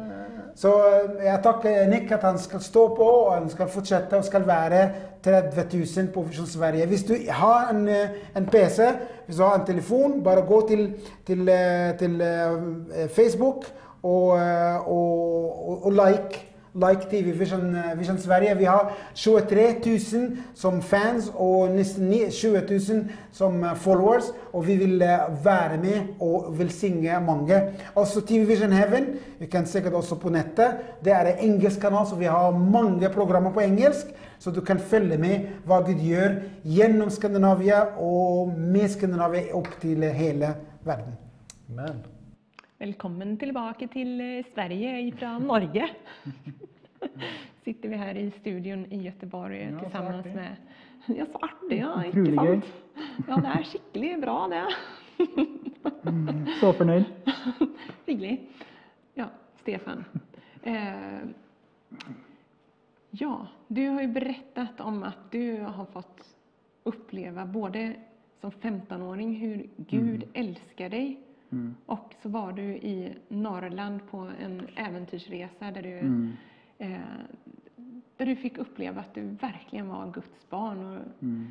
och allt som hör till det. Och så har du dessutom fått uppleva hur Gud har fysiskt helat dina knän. Mm. Och så har du fått uppleva hur du har blivit använd av Gud att förmedla budskap till andra människor och även helande. Mm. Eh, har du några sista ord som du skulle vilja dela med oss här i studion eller dela med, med eh, tittarna? Ja, Ja, jag har någon minut. ja, ja. Jag tror att den längtan som du känner, eh, som kanske växer i dig när du hör sådana här berättelser, det är ett vittnesbörd och det är på något sätt en, eh, en inbjudan från Gud till dig att få ta emot mer av Gud och få uppleva honom på ett djupare, eh, mer personligt, mer underbart sätt. Så jag vill bara tala till dig som ser på det här och känner en längtan efter mer. Kanske du har fått smaka mycket tid, i, tidigare i ditt liv. Kanske du inte riktigt fått uppleva det som du längtar efter. Oavsett så är Gud den som vill möta din hunger och din längtan. Och eh, vi vet alla hur det är. Eh, livet kan, det kan bli mycket ibland. Det kan finnas mycket. Jesus talar om liknelsen om sådden som eh, sås i olika typer av jordmån. Och beroende på vad det är för jord så blir det olika resultat av det. Och det kan vara saker som tar vår tid, vår uppmärksamhet ibland och vi kan inte kanske låta Gud göra vad han vill i våra liv. Men han älskar oss ändå och varje tid i våra liv, denna tiden i ditt liv är unik. Och jag tror att Gud vill möta dig. Så jag vill bara be för dig som eh, ser på det här och känner längtan efter Gud. Jag vill säga att det som du längtar efter, det har Gud för dig. Han retar dig inte med saker i fjärran, utan det du längtar efter, det vill han möta. Och han vill leda dig eh, att få se de här sakerna uppfyllda. Eh, och han älskar dig verkligen personligen och vill bara möta dig där du är just nu. Så jag bara ber just nu, tack Gud för de som tittar på det här programmet. Tack för de som ser och vet att du eh, har saker för dem, att du älskar dem, du kallar dem till personlig relation med dig. Jag tackar dig för dem Gud. Jag ber att de ska få uppleva just nu eh, ett vittnesbörd i sitt hjärta, ett vittnesbörd i sitt rum där de sitter, att din ande kommer och fyller eh, atmosfären. Din ande kommer och fyller dem, att de förstår att de älskar av dig, att du har en underbar plan för deras liv. Du vill använda dem, att de är inte mediokra och de lever inte ett mediokert liv, utan de är dina älskade barn och kan få gå varje dag i en relation med dig eh, och, få vara ljus i den här världen. Eh, så jag bara välsigna dig och bara be att du tar emot eh, Guds välsignelse. Och jag vill även be för dig som kanske inte ens har en relation med Jesus, som inte har gett ditt liv till Gud någon gång och inte eh, liksom förstår vad, vad är det här på riktigt. Jag, jag vill bara tala ut över dig eh, Jesu blod som rann för din skull, för allt som eh, du har gjort som du inte mår bra över, som du skäms över, eh, som du inte tror, om du skulle berätta det för någon så skulle de aldrig älska dig, de skulle bara döma dig. Men sån är inte Jesus, utan Gud sände Jesus, inte för att döma världen, utan för att världen skulle bli frälst, att världen skulle få komma till eh, Gud och till frid och kärlek genom honom. Så jag vill bara tala ut det eh, över det. Om du längtar efter Gud, om du känner att du har synd och annat i ditt liv, eh, vill jag bara tala ut eh, syndernas förlåtelse genom Jesu blod. Han älskar dig, han kallar dig till honom. Bara välkomna honom i ditt hjärta. Du kan bara säga Jesus, jag välkomnar dig just nu i mitt hjärta. Jag ber att du tar bort all synd och skam som jag bär på. Fyll mig nu med din egen ande, med, med ditt liv och lär mig vad det innebär att bli en himmelens lärjunge, ett himmelens barn här på jorden. Tack Jesus. Amen. Amen. Stefan, tusen tack för att du eh, har varit här ikväll Ja. och gästat oss i studion. Och du har ju sett att det har kommit upp sådana här eh, texter om förbön. Och eh, det är så att sista timmen här ikväll mellan 9 och 10 ungefär så kommer vi att be för dig som tittare. Så skicka gärna in dina böneämnen på sms eller i Facebookflödet om du ser på oss via Facebook. Eh, så ska vi eh, förhoppningsvis hinna be för eh, alla som skickar in. Så ta emot den här inbjudan som eh, du har fått ifrån Stefan och nu kommer vi att lyssna till en sång tillsammans. Så jag vill bara uppmuntra dig att ta den tiden under den här sången att, eh, att prata med Gud, att prata med Jesus, bekanta dig med honom, kanske för första gången. Åsa, Hej! nu sitter vi här tillsammans, du Ja. och jag. Kul! Mm. Eh, Vem är du? Ja, det är en bra fråga. Eh, Ja, den var du inte förberedd på. eh, ja, vem är jag? Eh, nej, men jag är en eh, väldigt, eh, ska man säga, typisk representant för det svenska samhället. Eh, På 60-talet föddes jag. Och eh, min familj var vi väldigt typiskt svenska, tyckte jag i alla fall. Vi, eh, vi var riktiga hedningar, vi trodde inte på Gud, självklart. Jag hade lite funderingar när jag var yngre. Och då så frågade jag mina föräldrar så här liksom, ja, tror ni på Gud så här? Hur gammal var du då ungefär? Ja, vad kan ha varit? Jag kanske gick i åttan, nian. Ja. Och då så minns jag, tror jag min mamma, hon sa så här att jag vet inte. Det var liksom en, en icke-fråga. Man Spelar ingen så. roll liksom? Eller? Nej, men det var, det var liksom aldrig för, liksom, ja, det var ju inget speciellt så. Ja. Eh, Men i praktiken så levde man ju som verkliga hedningar. Liksom.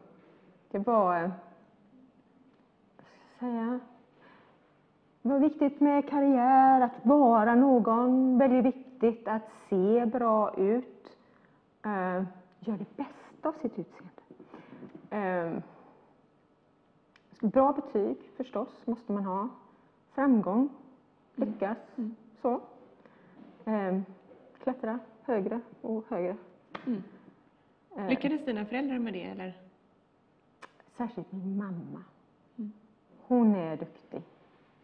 Eh, väldigt energisk och väldigt intelligent. Eh, väldigt pliktmedveten. Så att eh, ja, hon klättrade högt. Hon blev chef och kunde bestämma allting för de andra och så. Till och med vilken byggnad de skulle vara i. Mm. Hon jobbade på Arbetsförmedlingen och så skaffade hon, när hon skulle, hon skulle starta en arbetsförmedling, Mhm. så valde hon ett särskilt hus i Göteborg som var väldigt snyggt och sådär. Mm. Så hon lyckades verkligen då i, i det avseendet och klättra uppåt. Men eh, Mm. man brukar ju säga också eh, det bästa i livet går inte att köpa för pengar. Mm. Eh, och då tänker jag på kärlek och frid och glädje och sånt här. Ja. Eh, var hon framgångsrik även på det planet? Det var ju lurigare. Och det var väl egentligen inte hennes fel ytterst. Utan eh, när jag var typ, vad var jag, 10, 10-11 år så skilde sig mina föräldrar. Och det berodde på att deras, eh, några vänner de umgicks med, en kvinna där, hon och min pappa var otrogna. Och sen tyckte hon efter ett tag att vi måste berätta för våra respektive att vi är otrogna. Och de var ju båda, två, båda paren var gifta och de hade barn. Jag kände ju deras barn väl. Mm. Eh, vi hade till och med varit på semester tillsammans. Eh, så då berättade ju pappa för min mamma då att han hade varit otrogen med den här kvinnan. och det var ju, ja, hon, tog ju natur, hon tyckte naturligtvis att det var jättejobbigt och tappade ju sitt förtroende för min pappa. Att han var liksom någon att lita på. Och sen introducerade den här kvinnan som hade varit otrogen med min pappa, introducerade min mamma för en man som hon blev väldigt förtjust i. Så de blev ihop och var sambo under en längre tid. Vad snurrigt. Men Mm. var dina föräldrar gifta ända tills den här andra kvinnan introducerade din mamma för... Nej, Eller- nej, det kan man väl inte säga utan det, det blev ju liksom väldigt... De gick isär ungefär, Ja, eller? ja jo, men de, de skilde sig. Fast det var ju ändå lite grann att det gick på något sätt. Det ena gick över i det andra. Ja. Så. Mm. Och då kanske hon hade lite dåligt samvete, den här andra. nu tar jag hennes man. Nej, nej, de, de fortsatte inte. Men fortsatte inte? Nej, din pappa fortsatte inte med henne Nej. som hon hade varit, han hade varit otrogen med? Nej, nej, utan de bestämde, hon tyckte att det här var ju jobbigt, vi måste erkänna för våra och så här. Så hon förblev gift med sin man Okej. ytterligare en tid. Mm. Sen något år senare så skilde de sig också. Mm. Det var väl bara en tidsfråga. Vad gjorde det med, med dig då? Att dina föräldrar skilde sig i Ja, det blev ju väldigt unga år? lurigt. Ehm, när de skilde sig så bestämde de, för att de levde ju på 70-talet med jämlikhet och det var väldigt viktigt att man gjorde samma. Så då bestämde de sig för att de skulle ta ett barn var. För det var ju jämlikt och bra. Så du hade en syster eller bror? Ja, jag hade en lilla syster som är fyra år, äldre, eller fyra år yngre, självklart. Mm. Och hon, eh, Eh, hon var lättare att tycka om. Hon var väldigt mjuk och charmig och så. Min pappa hade väldigt lätt för henne och hade lite svårt för mig för jag var mer, jag var väldigt självständig från det jag var liten. Och väldigt, eh, vad ska jag säga, mm, ja man tog mig inte där man satt mig. Jag hade mycket idéer och så. Så att mamma hon tänkte så här att det skulle inte funka så bra om jag var med pappa. Eftersom pappa inte var lika förtjust i mig.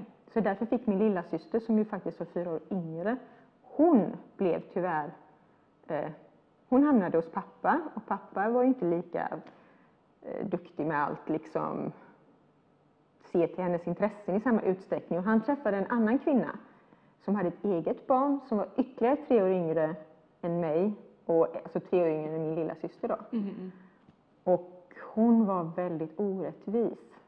Så att mamma fick ibland hem min lilla syster då med smutsiga underkläder och sånt här för att inte det hade blivit tvättat och så. Men skulle inte hon bo där på heltid hos din pappa? Eller? Jo, men det var, på den tiden var det väldigt modernt att man bodde hos den ena föräldern och sen varannan helg så hälsade man på hos den andra föräldern. Så gjorde i princip alla då. Mm. Så att den här helgen som hon kom hem då så hade hon med sig smutsiga underkläder och så. Så det funkar inte i längden. Så då flyttade min syster till mamma i alla fall. Ehm, och då kunde man ju tro att allting var jättebra. Mm. Men eh, den här mannen som min mamma flyttade ihop med då, han hade också ganska svårt med mig. Utav ungefär samma anledningar. Nu kom han från Österrike så han var mer traditionell och konservativ än vad man är i Sverige. Så han tyckte barn skulle lyda och sådär. Inte se men inte höras. Mm. Och jag var ju nästan som en liten vuxen. Mm. Jag tog folk, vuxna människor i hand och presenterade mig med förnamn och sådär. Så han hade väldigt svårt för det. Ehm, och han kände också att, jag, jag kramade honom och sådana saker, att då kände han att nej, det var inte äkta, det var falskt. Var det falskt då? Eller var det en artighetsgest bara? Eller vad var det från din sida? Nej, nej, nej, jag tyckte jättebra om honom.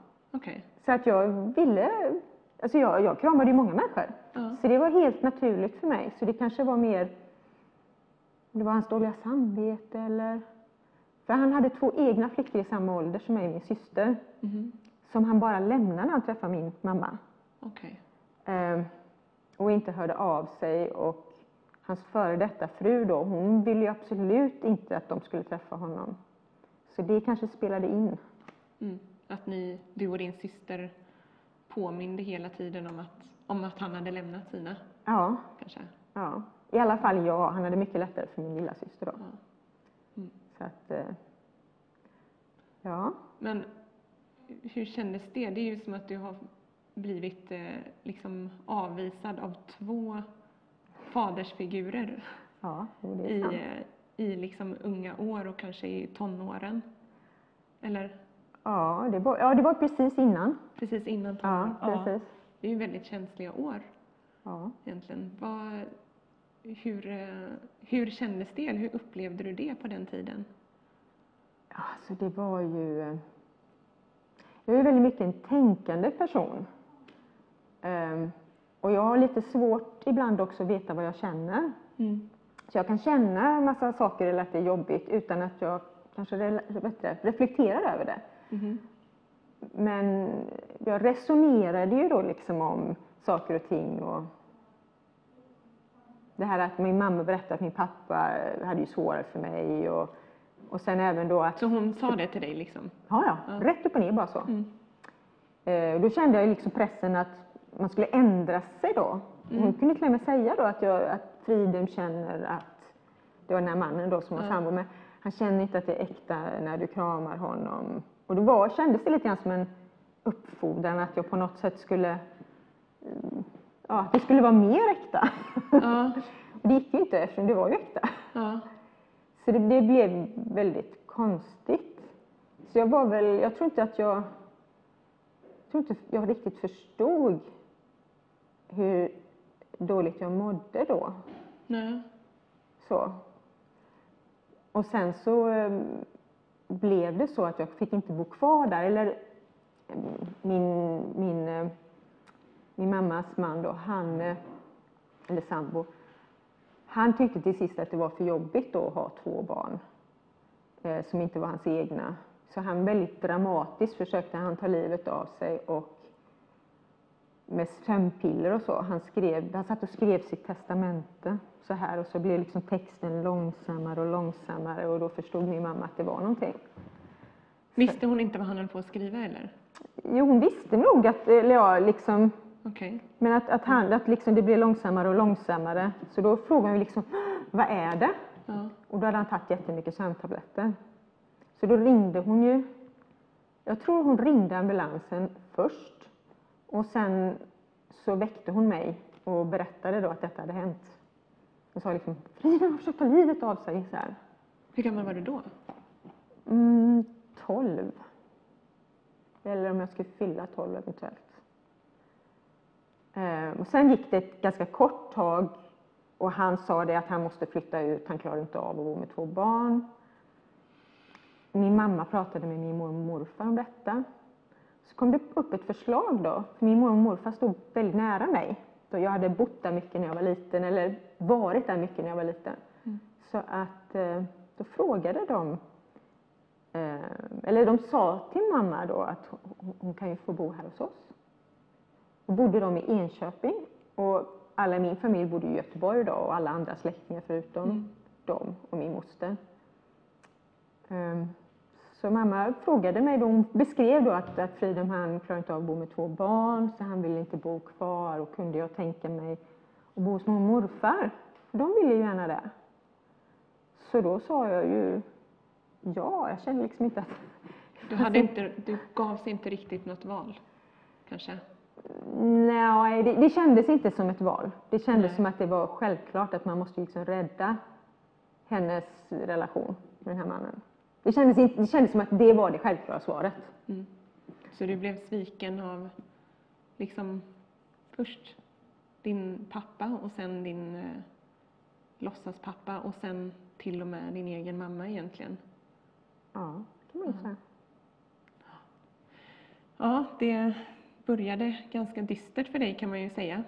Vi ska, ja, vi ska gå vidare och höra på fortsättningen här, men vi ska ta och lyssna till en sång tillsammans först och försöka smälta detta.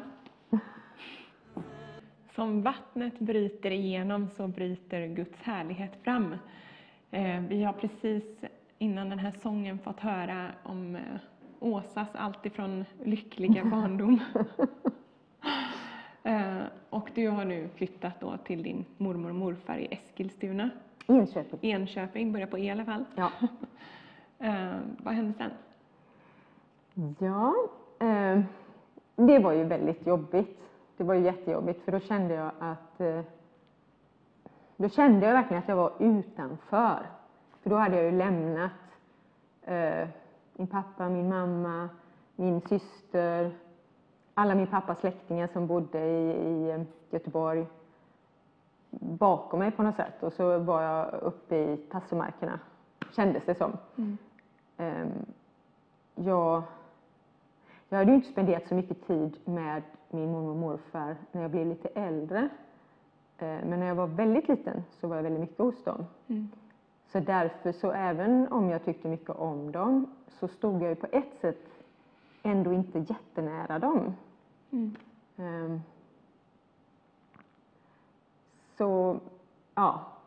Jag kunde känna mig på ett sätt ensam, fast de var ju väldigt snälla.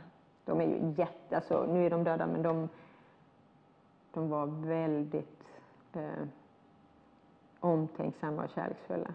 Mm. Och de älskade verkligen mig. Hos dem var jag favoriten, vilket är lite intressant. jag, jag var liksom deras favorit. Mm. Men jag, jag föddes två veckor efter att deras yngsta barn dog. Mm. Så jag blev lite grann, vad säga, en tröst Mm. i sorgen. Mm. Men, eh, men det var svårt. Det var jättesvårt. Jag kände ju ingen där egentligen.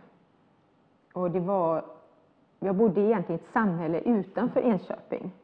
Så att det var väldigt lite folk som bodde där, kanske 2500. Mm.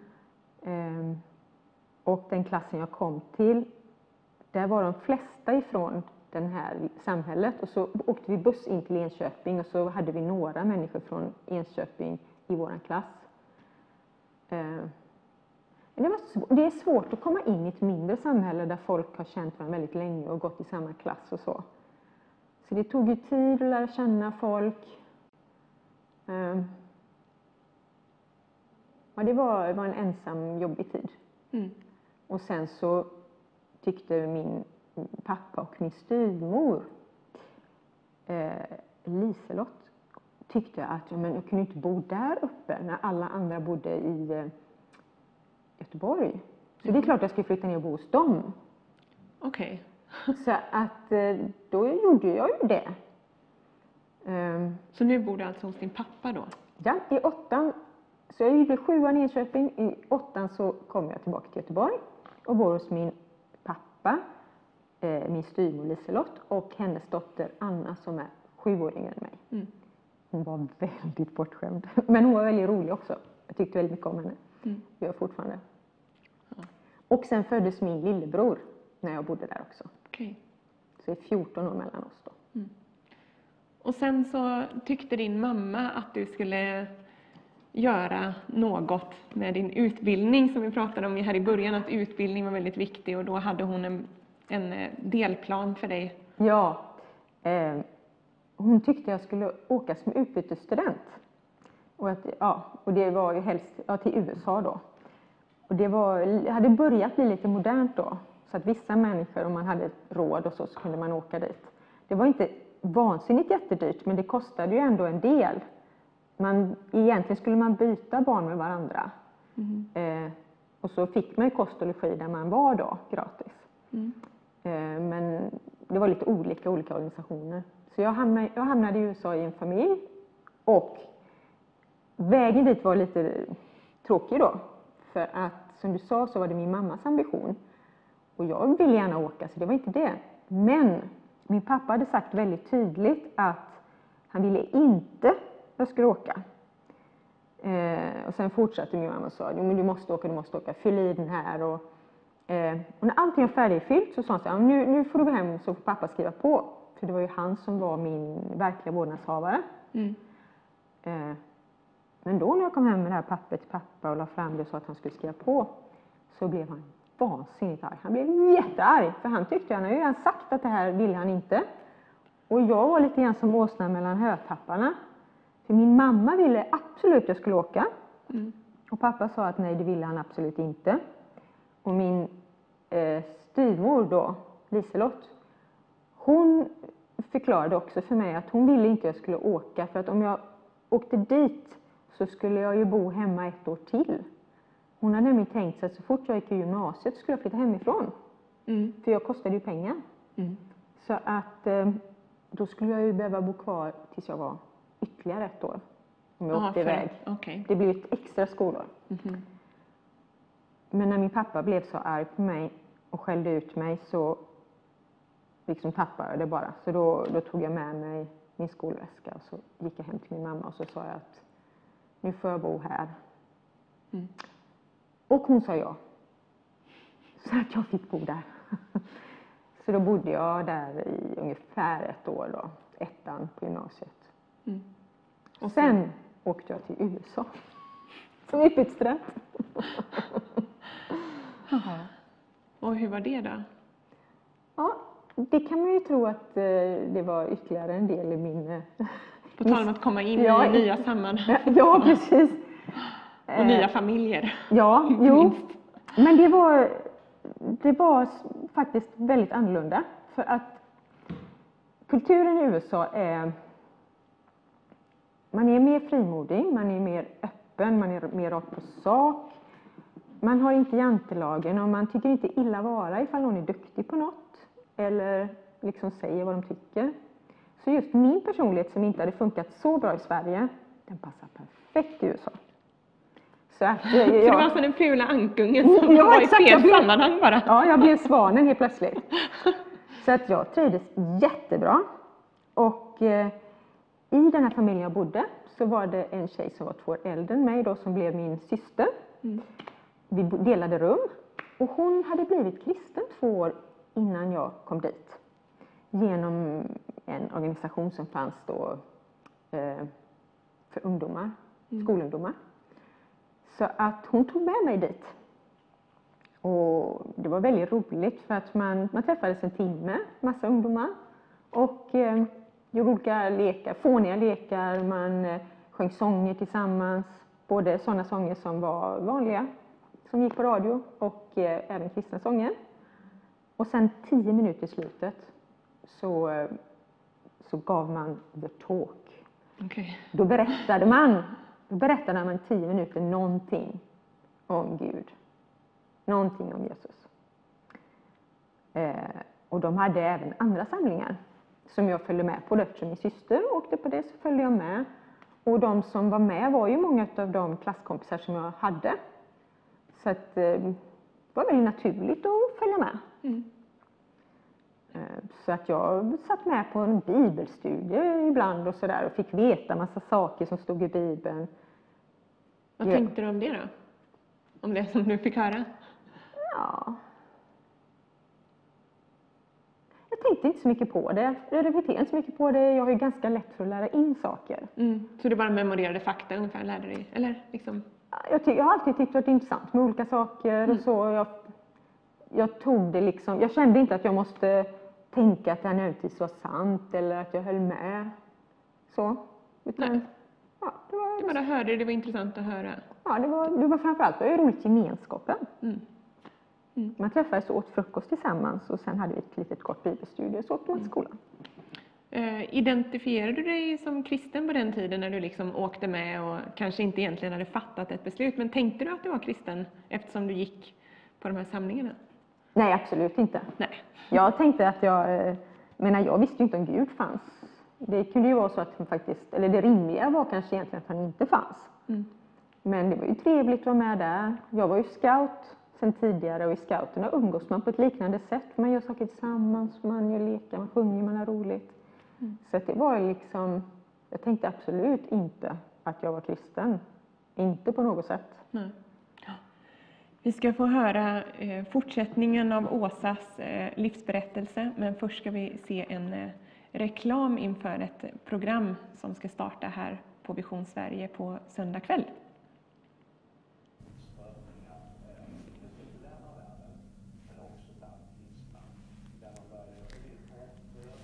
Dette programmet, et, eh, det nyeste program vi har, det, det, det heter Hotspot med, med Marco Strømberg.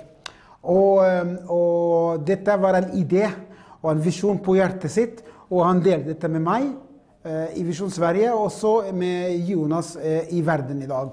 Og vi i Verden i dag og TV Visjon Sverige vi følte dette er bra, dette er viktig, vi må satse på dette programmet och gå en gång i veckan, en timme och diskutera viktiga spörsmål i dagens samfund i Sverige.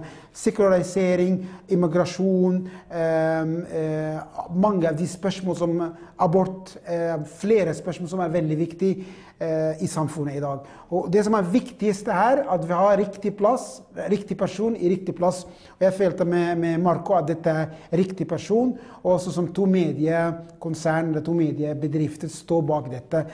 Och det vi gör, för vi vet att Gud har på hjertet sitt eh, masse för, for, Sverige. Och det som går i Sverige nu är väldigt viktigt och väldigt eh, eh allvarlig utveckling som vi, vi, vi måste snakke om ting. Och gästerna som kommer, många väldigt eh, prominenta gäster. Så jag vill anbefala detta programmet på det starkaste varje söndag klockan 18. Det programmet går på TV Vision Sverige och så det ligger på, du kan se på detta på nätet, på TV Vision eller också på, på, på Facebook till kanalen.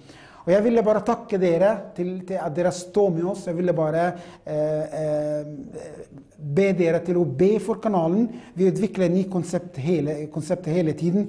Vi har Sverige Live varje eneste kväll, fem dagar i veckan.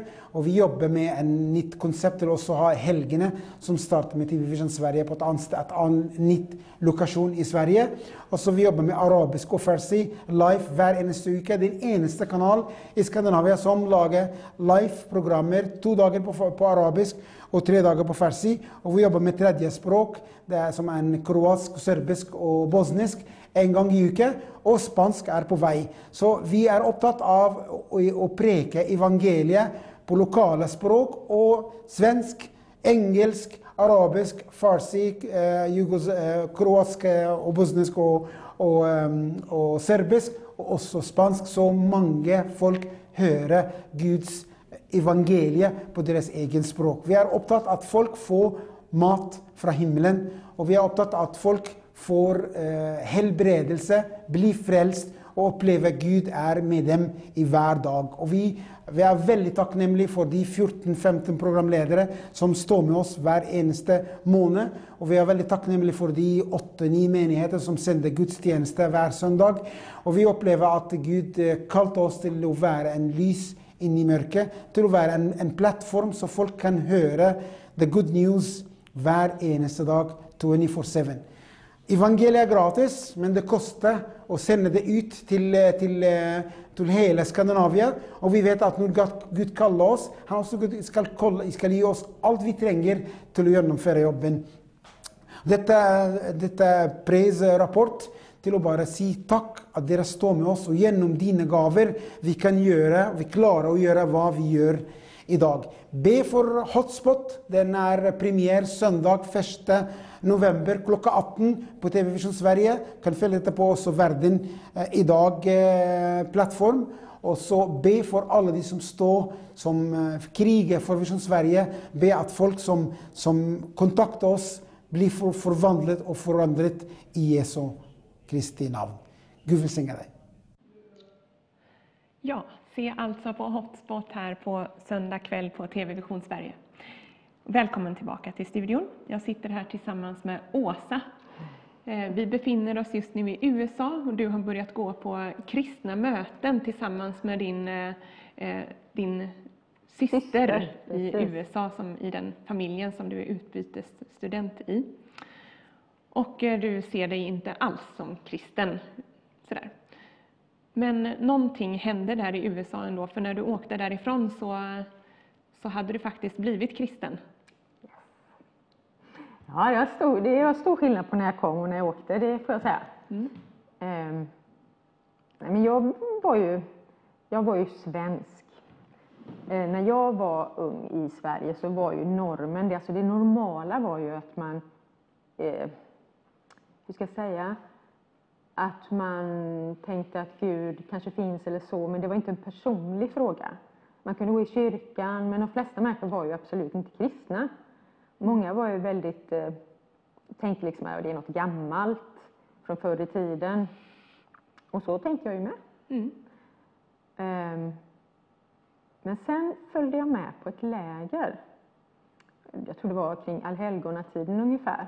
För den här ungdomsorganisationen då, de hade läger eh, ja, på allhelgona. Man åkte iväg tillsammans. Det är ju nu. Nu är det ju allhelgona. Ja, jag vet, jag tänkte på det. Jag tänkte på det, att det var, var lite, lite intressant. Ett jubileum här nu då. Ja, det blir ett jubileum. Eh, Detta hände 83. Så det året jag föddes. Det är 36, 36 års jubileum. Nej vänta nu, 37. Jag fyller 37. 37 snart. 37 års jubileum. Ja, det blir det. Mm. Det är ju konstigt. Att man är så gammal menar jag. Att det, tänk att jag har varit kristen i 37 år. Mm. Det är svårt att tro. Ja, hur blev du det då? Jo, eh, jag åkte med på det här lägret. Mm. Och eh, där så gjorde vi allt roligt vi brukade göra. Eh, ja, vi gjorde olika utegrejer och leka, sjöng, skojade. Eh, gjorde lite sketcher och sånt där. Var lag och så. Och så sjöng vi som vanligt. Mm. Och sen så var ju det här the talk. Och det brukade ju normalt sett vara väldigt korthållet då, 10 minuter. För eh, den mannen som skapade den organisationen, han brukade säga It's a sin to bore, to bore a child with the gospel. Det vill säga att det är en synd att tråka ut en ungdom med evangeliet. Eh, så det var liksom hans sätt att tänka. Mm. Ehm, så därför så fick man inte hålla på och prata en massa jättemycket utan 10 minuter utav en timme, det var max. Men på det här lägret ehm, så pratade de faktiskt 20 minuter. Nej, Jo, är det sant? det är sant. Blev ni uttråkade då eller? Syndade han? Ja, alltså jag, kände, jag kände ju mest att jag var, lite lätt förvirrad. För att det var liksom massa prat om Jesus och kors och blod och det gick mig helt förbi. Mhm. Fullkomligt. Men sen så sa han så här. Men ni ska inte tro på mig bara för jag säger det här. Eh, utan ni ska testa själva. Och så sa han, jag lovar er att om ni ber Gud att han ska komma in i era liv, så gör han det. Fast det är klart, ni måste ju Alltså, ni måste ju mena det. Ni måste ju ha för avsikt att vilja lära känna honom.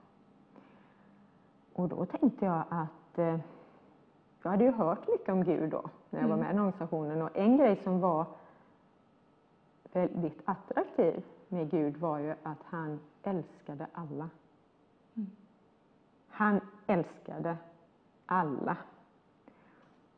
Och det är klart att jag ville gärna vara älskad. Jag kände mig ju inte älskad. Jag kände mig väldigt säker på att jag inte var älskad. Jag tror, eller jag är ganska övertygad om att min mamma älskade mig då. Men jag trodde inte det. Jag kunde inte tro det. Min uppfattning var att egentligen ingen älskade mig. Mormor och morfar då. Men inte min mamma, inte min pappa. Eh, Så jag, för mig var det jätte, liksom, attraktivt. Alltså, det var oerhört, hade en jättestor eh, dragningskraft på mig. Att Gud verkligen älskade människor. Ehm, Så att när han sa det här, den här talaren då, att ni ska inte tro på mig, ni ska testa själva. Så tänkte jag att, ja, ja, varför inte? Jag testar. Och det sa han också. Han sa så här att, eh, eh, menar, pröva, vad har du att förlora? Just det, och då, då, då tänkte jag så här, ja, vad har jag att förlora? Så att jag gick ut, de, efter det här mötet då, så sa han så här att nu, nu har vi en timmes tystnad så att ifall någon skulle vilja be Gud att Gud ska komma in i deras liv så respekterar vi att den personen vill göra det. Så nu, nu är vi tysta en timme och pratar inte med varandra. Och sen så kommer vi ringa en klocka när den här tiden är över. Och så återsamlas vi i de här stugorna där vi bor. Så jag gick ut och så satte jag mig under en gran och så, det var liksom skog där vi var då. Och så bad jag Gud, om du finns, kom in i mitt liv. Och sen tänkte jag att mm, jag kanske måste anta att han finns. Så då så sa jag, Gud, kom in i mitt liv. Och så tjatade jag om det massa gånger. Gud, kom in i mitt liv, kom in i mitt liv. Sådär. Ingenting hände. Mhm. Absolut ingenting. Och så ringde det med klockan. Jag gick tillbaka till min stuga och där hade vi pratat med varandra och vi hade en diskussion. Och jag hade alla de goda skälen för varför Gud inte fanns. Liksom, hur svarar ni på det här? Förklara detta. Ehm, men så medan vi höll på och diskuterade så fick jag en tanke att eh, i Gamla Testamentet så står det skrivet att Jesus ska födas just i Betlehem. Mm. Eh, och det är skrivet ja, åtminstone 400 år innan det skedde, kanske till och med 500. Eh, och då tänkte jag så att ja, det, det var ju konstigt. Men, eh, men det är inget bevis. Och sen så när vi hade pratat färdigt så kom jag ihåg att när jag gick ut ur rummet över tröskeln så märkte jag att någonting, eller märkte jag att jag var förändrad. Jag kände att, eller tänkte att eh, jag är förändrad. Jag la märke till att jag var förändrad, Okej. men jag kunde inte sätta fingret på vad det var. Så. Sen så hade vi eh, en jätterolig avslutningsfest.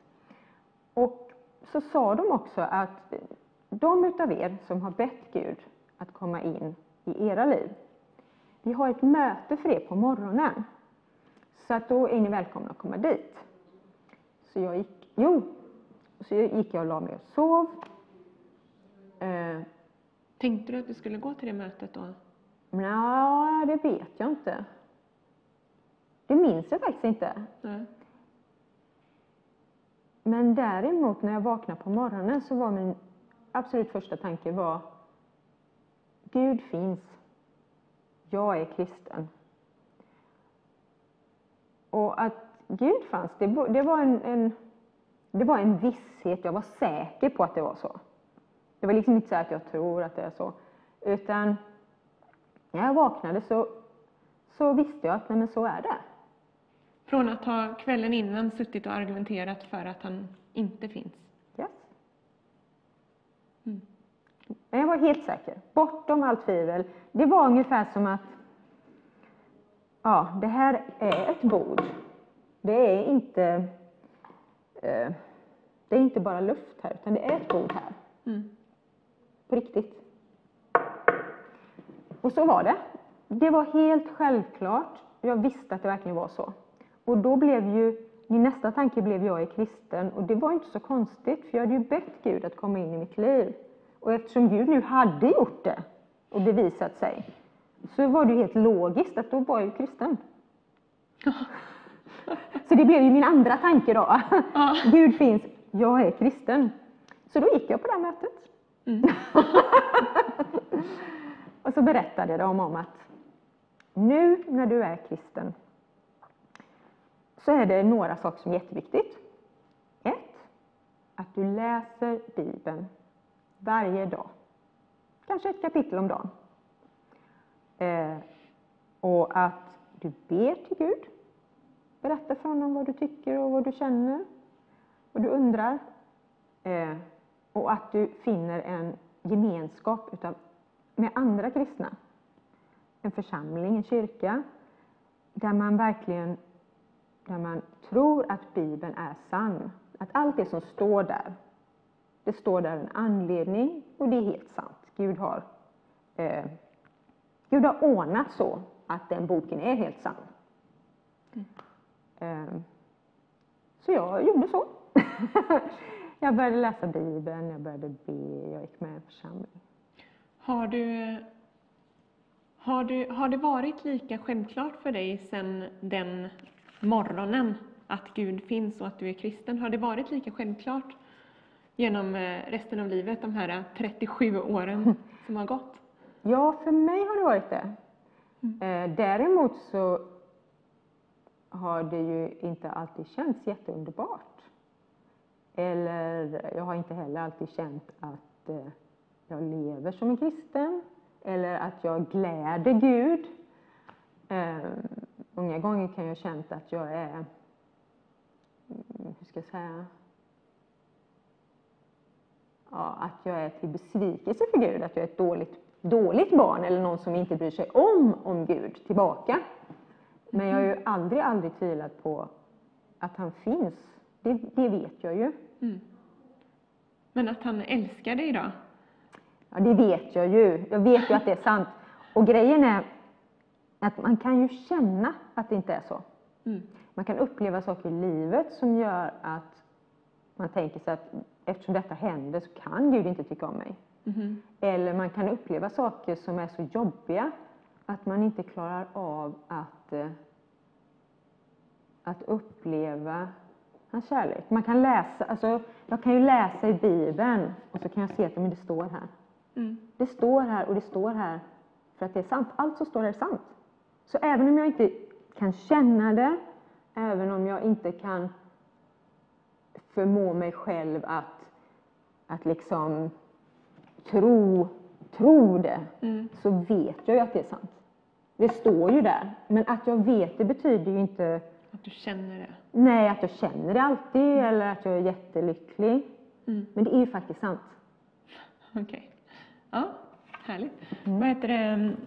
Vill du berätta om någon eh, jobbig period i ditt liv och hur du tacklade det som en, som en perfekt kristen? Ja, ja, ja. Och det är. Allting i mitt liv är perfekt när det gäller att vara kristen. Nej, men... Eh, eh, många saker har varit väldigt svårt. Eh, jag är väldigt glad att jag träffade en kristen person eh, som jag var tillräckligt lik och som jag var attraherad utav så att jag faktiskt valde att gifta mig med någon som också kände Gud. Mm. Det är jag väldigt tacksam för. Det är, det är lätt att tänka att det inte är så viktigt för att man känner ju känslan, man kan känna att man tycker hemskt mycket om någon. Mm. Men man kanske träffar flera sådana människor i livet. Och om man väljer någon som inte, inte känner Gud så väljer man att tillbringa sitt liv på ett väldigt svårt sätt. För man kan inte dela relationen med Gud, man kan inte Mm. be tillsammans, man kan inte ta beslut på grund av alltså att man läser saker i Bibeln, hur, hur man som kristen bör leva ett bra liv, Mm. eller kan leva ett bra liv. Så det är jag väldigt tacksam för. Så jag gifte mig med en kristen man. Och det är nog en av de absolut bästa saker jag gjort efter att jag blev, bortsett från att jag faktiskt blev kristen, för det är det allra bästa. Eh, och vi fick två barn.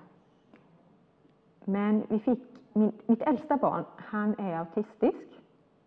Han är jättesmart och jätterar. Men han har, han har väldigt svårt att, att sätta sig in i hur andra människor tänker. Och därför så har han svårt eh, med olika sociala saker. Vad pratar man om när man sätter sig ner med folk man inte känner eller måste man prata med dem? Och det, när han var liten så var det jättesvårt för att då var det nästan ingenting som var naturligt. Ehm, allting var svårt. Det var som att han hade ingen motor. Så att man fick dra upp honom ur sängen och sätta honom och ge honom mat. Och det kunde han ju få i sig maten, var inte något större problem. Men till exempel när han skulle gå på toaletten så kunde han sätta sig på toaletten och han visste liksom hur man satt på toaletten och man skulle vet du, sätta på sig efteråt och allt det här. Men trots att han visste det så var det som att det fanns ingen motor. Mhm. Så han satte sig på toaletten, gjorde vad han skulle och sen satt han där och filosoferade. Liksom, kom inte längre. Eller han kunde liksom lagt sig på golvet och tänka. Så sen fick man liksom upp med dig, upp med byxor och alltihopa. Och även på morgonen att få på honom kläder var ju liksom ett arbete. Varje liksom klädesplagg som skulle tas på. Han var ju, han, när han blev större, som tre fyra år, skulle han ju klä på sig själv. Men man fick liksom ändå prompta allting. Mm. Alltså sätta igång varenda liten sak så här. Mm. Ehm, och med andra barn och så, så upplevde han inte det direkt som de var människor så som han var, utan de var ju liksom mera ting. Så. Mm. så eh, om man liksom nöp någon så här så kunde de göra en jätterolig min. Det var ju jätteroligt att se den minen. Så kunde man nypa igen så fick man den en gång till. Åh vad kul! Och det berodde ju inte på att han ville skada personen utan det berodde på att det såg så roligt ut och lät så roligt. Mm. Och han förstod inte ännu att det var en likadan som han själv, att det var en människa. Mm. Och det tog väldigt lång tid. Det här var ju väldigt arbetsamt. Mm. Så att min man han både jobbade 100% studerade 100% Så det blev väldigt mycket jag dig. som gjorde detta. Ehm, och det gjorde att jag blev väldigt, väldigt trött. Ehm, man levde lite grann som i en dimma. Mm. Och vi sov tillsammans, jag och min son och min man. Han sov ihop med oss. Mm. Så man ammade och så la man sig. Så det liksom gick i ett. Mm. Ehm, och sen kom hans lilla syster. Och då fanns det liksom ingen kraft kvar kan man säga. Så att jag, jag kommer ihåg, jag ammade henne tio månader. Och jag var, blev liksom mer och mer trött och liksom fick svårare och svårare för att ta mig upp varje dag. Och sen så slutade jag med henne. Och då var det liksom som en gardin bara gick ner. Liksom allt blev bara mörkt. Jag liksom låg i sängen och kunde inte ta mig upp. Och jag blev, det blev, det blev liksom inte bättre. Um min mamma och min eh, syster betalade dyrt för mig för jag skulle kunna vara på ett sånt här eh, vilohem där man fick olika vilobehandlingar och massage, jag vet inte allt. Eh, och jag, jag gjorde ju alla de här sakerna och det var ju vilsamt att vara där. Men det, det här mörkret, eller det var ju liksom en depression, det, det låg ju kvar. Det var väldigt tungt och jag mådde oerhört dåligt. Ehm, så jag flyttade ut. Jag kunde inte bara ligga där liksom på sängen i mörkret utan jag flyttade till min bästa kompis och bodde hos henne två veckor. Ehm, jag mådde fruktansvärt dåligt och det fanns en skiva hemma hos henne, en LP-skiva med Depeche Mode. Och de hade, de, det var ett band som var väldigt modernt när jag var ung på 80-talet. Och de hade en del låtar som var väldigt mörka. Och jag minns jag liksom spelade de här och det blev liksom bara mörkare och mörkare på något sätt i tankarna. Det var verkligen den, en, en sång som verkligen på, liksom, tog tag i mig. Den hette Live in silence. Och, och i princip så handlade den ju om att lämna det här livet liksom. Mhm. Bara försvinna, fejda ut. Mm. Ehm, samtidigt så fick jag väldigt, väldigt dåligt samvete över att jag inte var tillsammans med mina barn. Eh, för mig var ju på något sätt den värsta, värsta man kunde göra, det var att inte vara tillsammans med sina barn. Mm. För det var ju det som jag hade råkat ut för. Mm. Så att att eh, min man, han var väldigt hjälpsam. Han kom, jag ville absolut träffa barnen varje dag, så han åkte till min kompis där jag bodde med båda barnen. Så att jag fick vara en timme med ena barnet och en timme med det andra. Sen var jag helt slut. Eh, men det var en hemsk tid. Jag blev, sen blev jag väldigt djupt deprimerad. Eh, jag fick läggas in på sjukhus och det hjälpte inte med mediciner. Jag blev inte bättre. Eh, Så träffade jag en flicka som också var inlagd där. Hon var kanske 18 år, 17, 16-17. Mm.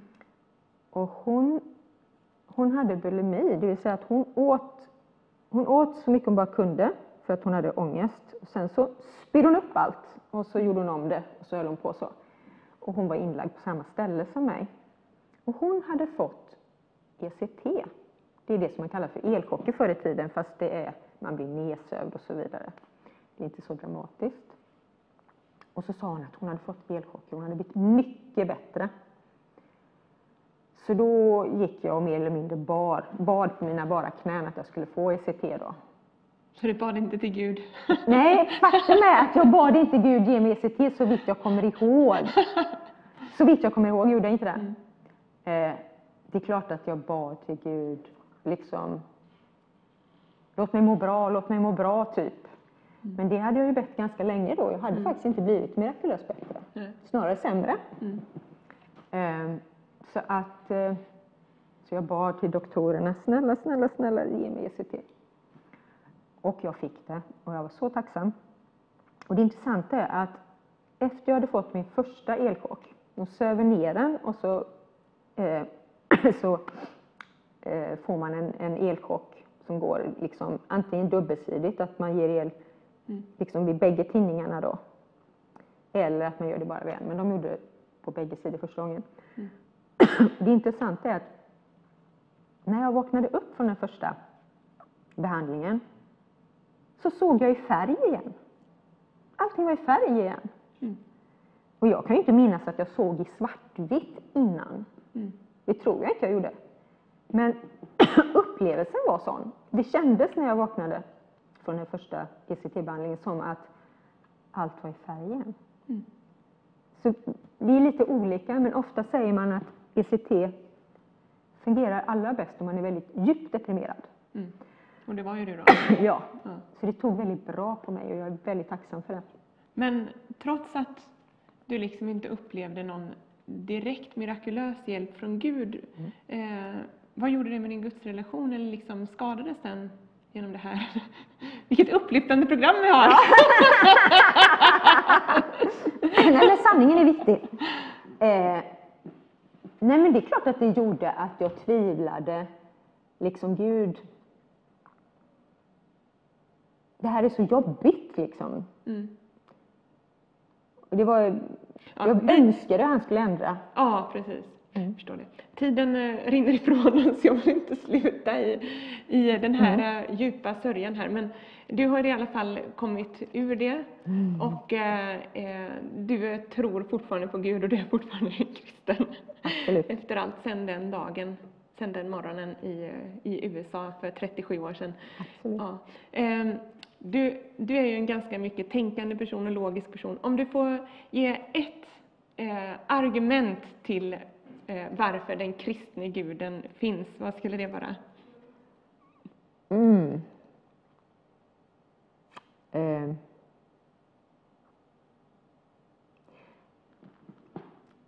Ja, det är lite svårt att välja.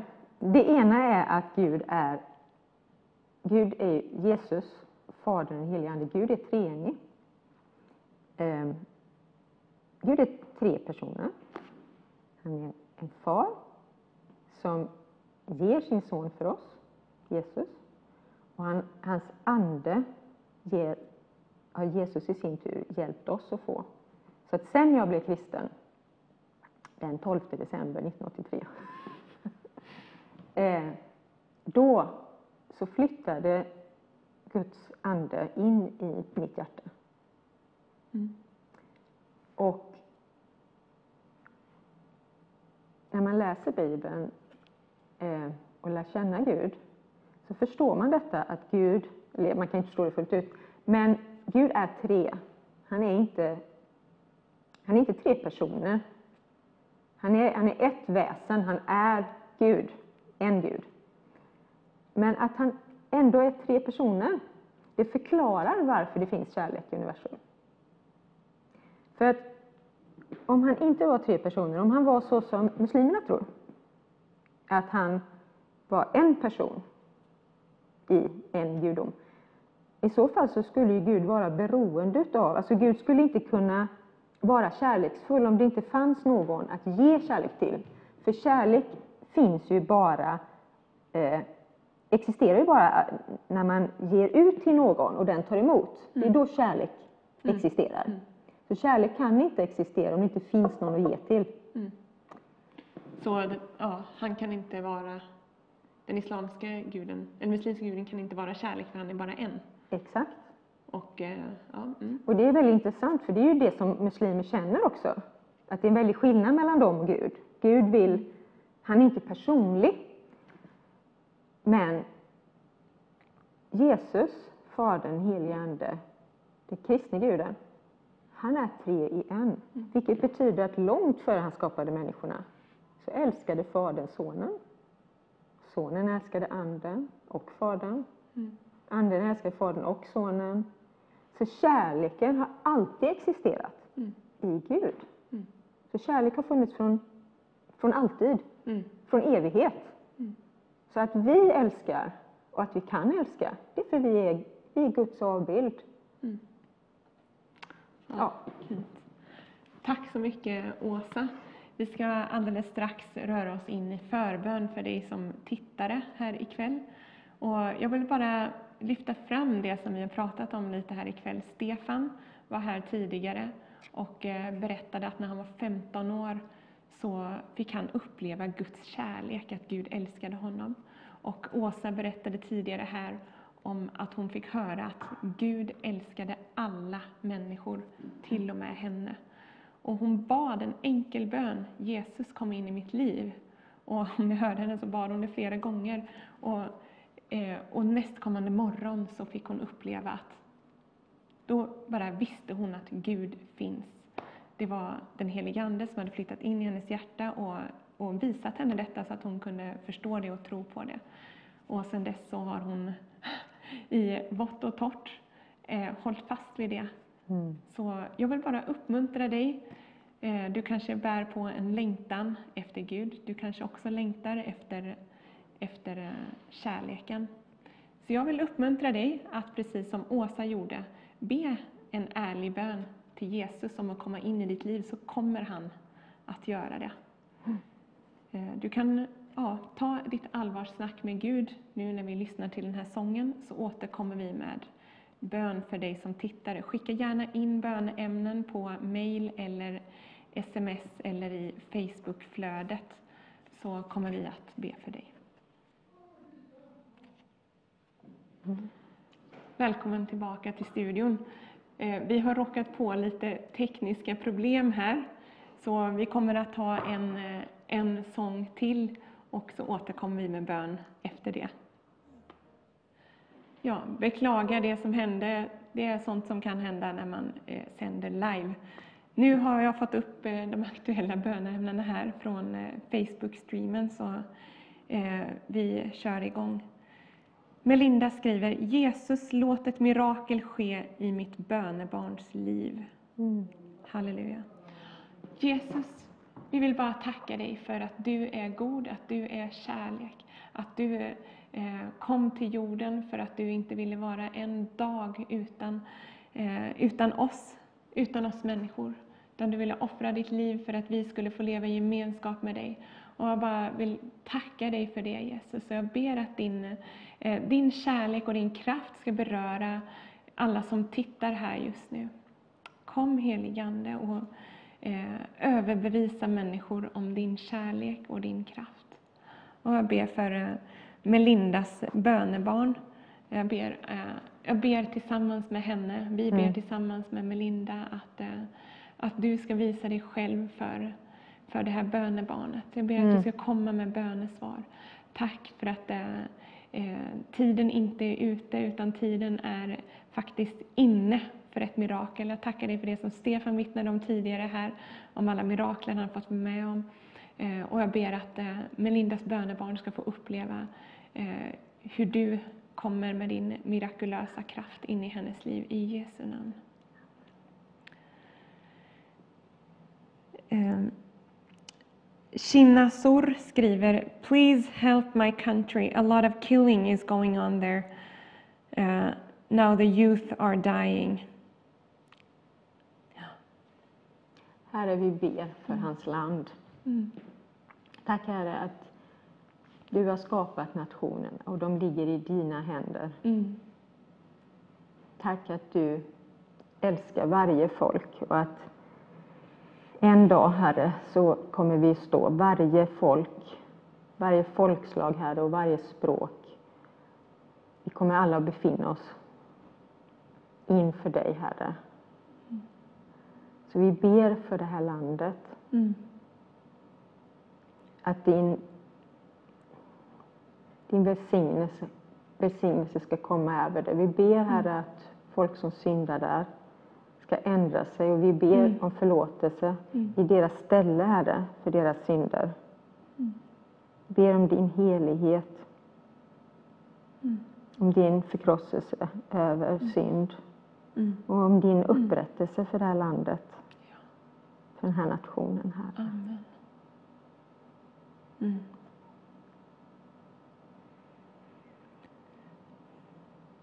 Han skriver vidare här sen lite senare.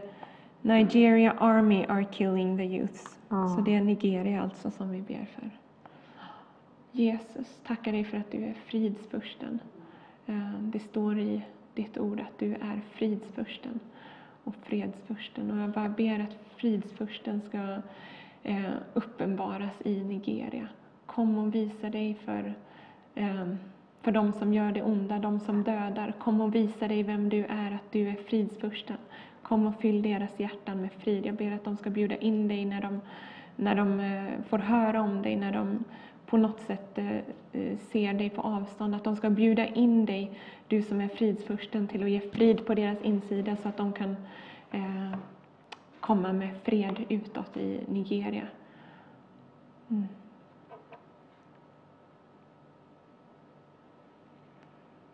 Ja, det är flera tittare som också har bett för Nigeria här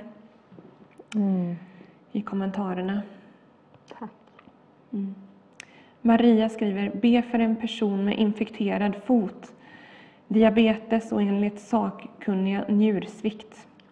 Helande och glansseger för Jesus som personen lägger sin tro till, tror på helande i konstig motvind. Mm. Mm, Jesus, tack för att du, eh, du har burit smärta och sjukdom och synd på korset. Och jag bara ber för den här personen med infekterad fot.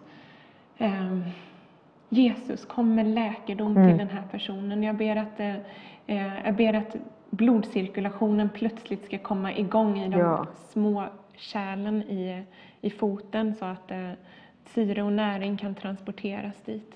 I Jesu namn, kom med, öppna upp eh, kärl som inte har eh, fungerat bra fram till nu. Jag ber att du öppnar upp dem eh, och låter helande och läkedom få komma till det här såret.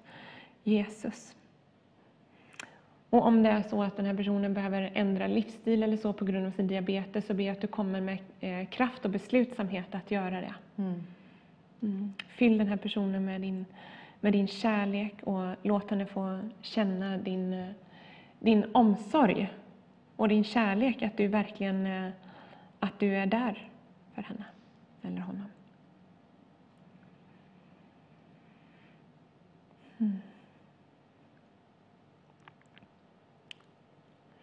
Stefan skriver, ber för min son Tim och min dotter Tiffany, Gud vet.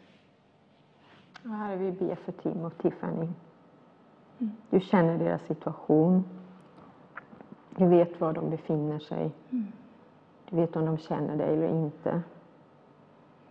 Om de inte känner dig så ber vi du ska, du ska visa du ska visa dem din kärlek och omsorg, Herre. Visa dem på din sanning. Dra dem till dig. Om de känner dig så ber vi att eh, du ska hjälpa dem, Herre. Dra dem till dig. Ge dem, låt din Ande, Herre, hjälpa dem i, i bön när de ber, Herre. Vi ber om din sanning, din upprättelse, din godhet och rättfärdighet ska få segra i den här situationen. Amen. Eftersom du har ju segrat på korset. Segern är vunnen, Herre. Amen.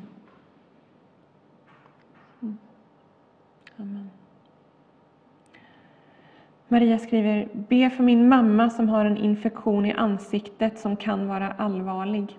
Jag vill ha mer tro trots allt jag varit med om. Förlåt min otro, hjälp mig tro. Mm. Jesus, du vet att livet inte alltid är lätt och att det inte är eh, jämnt fördelat med eh, svårigheter som, som vi människor får gå igenom. Och jag tackar dig för Maria Mm. som, eh, som har satt sin, sin tro och sitt hopp och sin Amen. lit till dig Mm. trots allt hon har varit med om. Och jag bara ber om att du sköljer över Maria just nu med, med, med, din, med din andes närvaro. Jag ber Mm. att du bara kommer och eh, ger henne som balsam för hennes själ just nu. Och, ehm, och jag ber att hon ska bara få uppleva eh, din faders kärlek till henne just nu. Eh, jag ber att du eh, lyfter av henne liksom den här ehm, ja, kanske skammen att hon inte tror tillräckligt eller något. Och jag bara ja, tackar dig för att du, du, eh, du vill styrka den, den lilla tron hon har. Hon kommer till dig med tro som ett senapskorn för sin mamma som har en infektion i ansiktet. Och vi bara ber tillsammans med Maria att du kommer med din helande kraft över Marias mamma just nu. Bara ber att du sätter stopp för den här infektionen i Jesu namn och att du låter hennes eh, ansikte få återhämta sig just nu. Amen.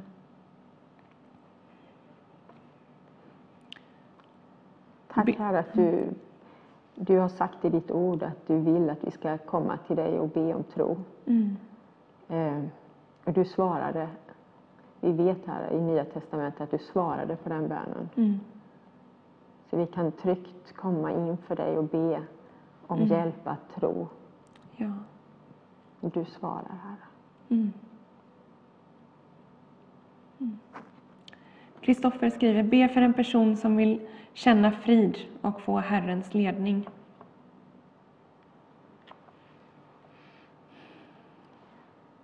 Jesus, jag ber för den här personen som vill känna frid.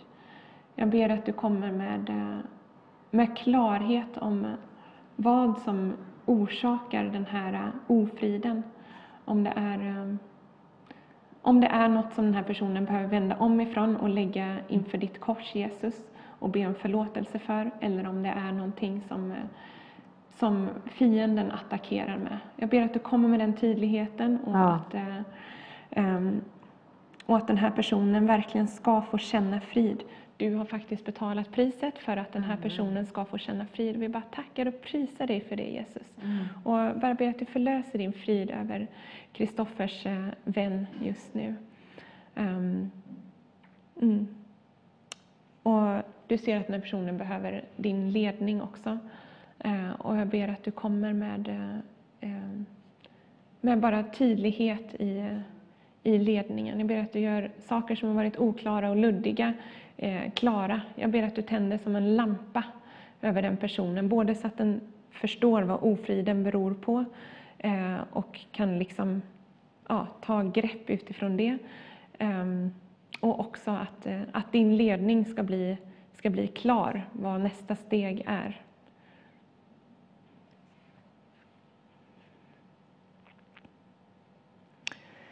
Johan eh, skriver önskar förbön.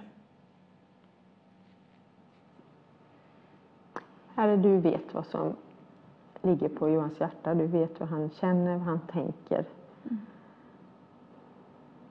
Vi ber om din hjälp i hans situation. Om ditt goda, Herre. Om dina planer. Dina fridens tankar och inte ofärdens. För att ge honom ett hopp, Herre. Herre, öppna hans ögon så att han kan se att i dig finns allt hans hopp. Mm.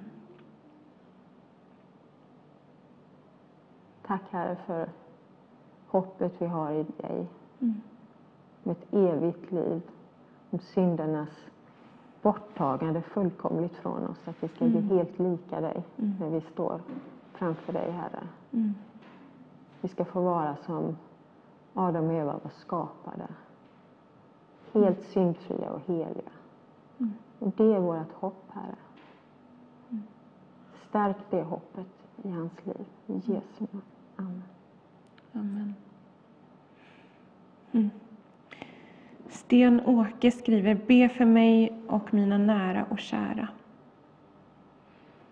Mm. Tack Gud att det står i ditt ord att vi ska, att vi ska be för alla människor och framförallt för de som delar, som delar vår tro. Mm. Och vi lyfter upp Sten-Åke inför dig just nu.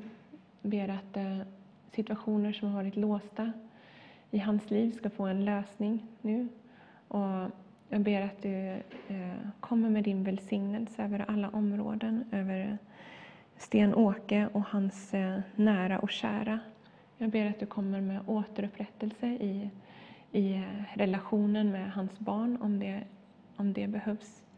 Ehm, jag ber att du kommer med förståelse till, till de olika parterna. Um, och jag ber verkligen om din, om din enhet över uh, hela Sten-Åkes familj. Jag ber att den tro som Sten-Åke har på dig ska få eh, sprida sig eh, para, ja, åt alla håll mm. i, eh, bland hans eh, familj och släktingar. Att, eh, att han får vara en fridens man i, i sin familj. Och, eh, jag tackar dig för att du kommer med nåd för de, för de misstag som han har begått.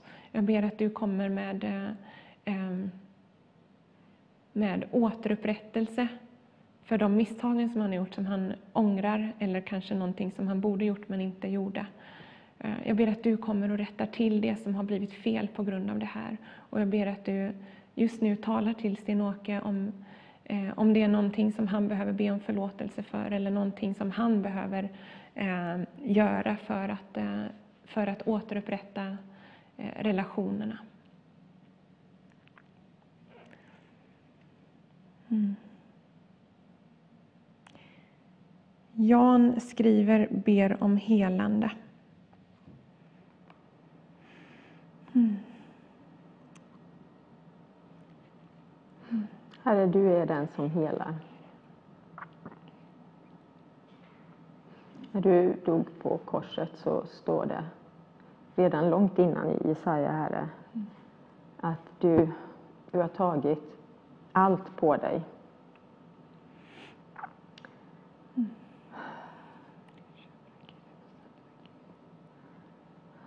Vi ber att du ska låta detta ske. Mm. Mm. Vi ber om din, din goda vilja, din helighet, Herre, mm. och renhet. Med nära och intim relation till dig själv, Herre. Mm. Att du ska få bli upplyft och upphöjd i hans liv.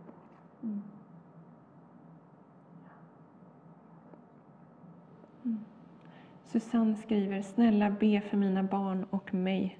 Tre utropstecken, Herren känner allt.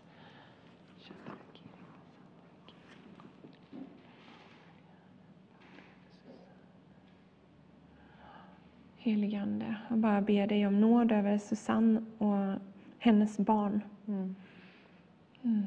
Jag ber att du bara kommer med din frid och din kärlek och din välsignelse över dem. Um, ja, jag ber för eh, Susanne som känner att, eh, ja, att hon önskar att hon kunde göra mer för sina barn än vad hon gör och har gjort, men hon bara förmår inte. Jag bara ber att du kommer med din nåd. Att, eh, att du ska skicka på något sätt människor i hennes väg till att styrka henne i sitt föräldraskap. Mm. Um, och jag ber också att även din ande ska få tala eh, tala vishet eh, och liv över henne. Jag bara tackar dig för att eh, det är du som har bestämt att hon skulle bli mamma till de här barnen. Och det, var din goda, det är din goda vilja att det ska vara mm. så. Mm. Och därför bara, ja, jag bara ber att du styrker henne i den rollen. Mm. Eh, fyll henne med, med bara bekräftelse. Bara ber att du bekräftar henne just nu i hennes moderskap. Jag ber att hon att du ska ta, att lyfta av det här dåliga samvetet som hon, eh, som hon bär på. Att hon ska få ja, att hon bara ska få ta emot ifrån dig istället nåd och mm. åter nåd just mm. nu i Jesu namn. Mm. Eh, både nåd för eh, eh, liksom misslyckanden och nåd för, för framtiden.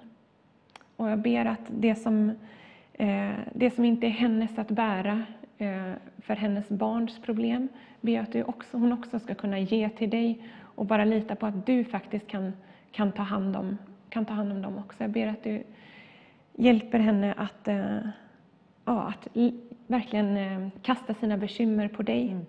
För du har omsorg om henne och du har omsorg om hennes barn. Och jag ber att du ska, jag ber att Susanne ska få uppleva att du, eh, att du fixar saker i hennes barns liv som, eh, som hon har försökt och misslyckats med så många gånger. Så bara be att, du ska, eh, att hon ska få nästan stå bredvid och se hur du, eh, hur du är trofast och hur du eh, löser saker. Mm.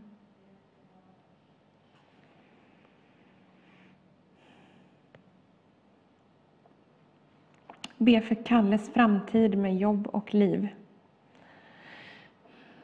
Mm. Jag tackar dig för den Kallen som vi fick höra om tidigare idag när Stefan berättade om sin resa till Norrland. Ehm, och den här Kallen kände också som Stefan bara en djup längtan efter att eh, söka, söka den levande guden. Och jag ber det över den här kallen som vi nu ber för också. Att eh, jobb och liv, visst det är viktigt. Samtidigt så står det i, i, i Matteus 6, sök, eh, sök först Guds rike och hans rättfärdighet så ska ni få allt det andra också.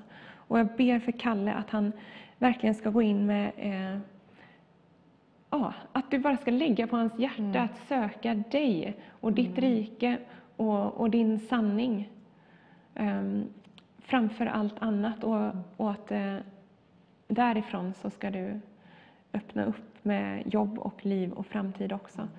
Um, ja, och jag bara ber att du verkligen lägger den djupa längtan i honom att, uh, att söka dig, att lära känna dig. Och jag ber att du kommer med kraft också Eh, att söka jobb. Tackar dig för att du har skapat honom eh, unik och du har skapat honom underbar. Mm. Eh, och du älskar honom och han har förmågor som, som du har lagt ner i honom. Och jag ber att de förmågorna ska få Eh, blomma och, eh, och upptäckas både av honom och av eh, arbetsgivare.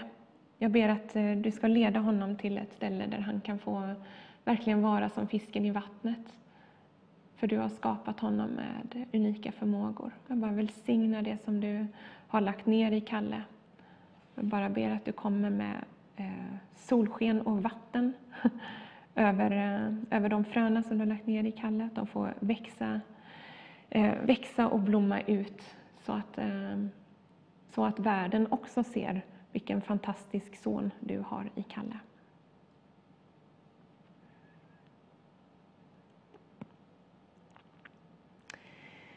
Be för Lennart och Susanne om frälsning med mera. Gud vet precis allt.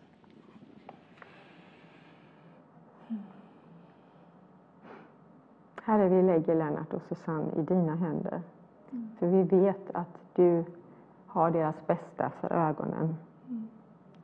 Ber att, du, att din heliga Ande skulle verka på deras hjärtan och dra dem till dig. Mm. Så att de kunde se och lära känna dig, du våran gode far mm. som, som älskar oss, som ser på oss med kärlek. Mm. Ber att det skulle, i de situationer de lever just idag, att du skulle gripa in. Mm. Att de skulle ta emot dig. Mm. Och att därigenom så skulle skillnaden i deras liv också komma, Herre. Mm. Att det också skulle få bli ett vittnesbörd för omvärlden om din storhet, Herre. Din helighet. Mm. Skulle bli upphöjd i deras liv. De skulle få vara till välsignelse för sin omgivning. Mm. Mm. Ja, Jesus, jag tackar dig för att din plan för eh, Lennart och Susanne är att de ska leva i, eh, i perfekt enhet med varandra och med dig. Och tackar dig för att du har eh, betalat priset för att de ska kunna göra det. Jag ber att du ska eh, liksom klippa eh, det, det, vad heter det, den barriär som håller dem ifrån, eh, ifrån varandra också. Um, ja, jag tror att det är Lennart som behöver bli frälst, då. det här. Susanne är nog redan frälst.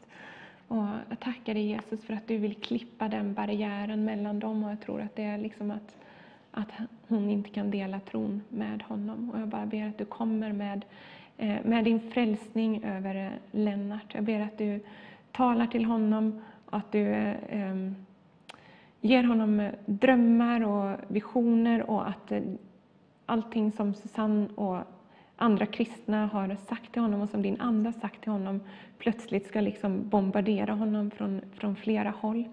Eh, så, att han, eh, så att han bara känner att han vill och måste ödmjuka sig inför den levande guden. I Jesu namn. Amen.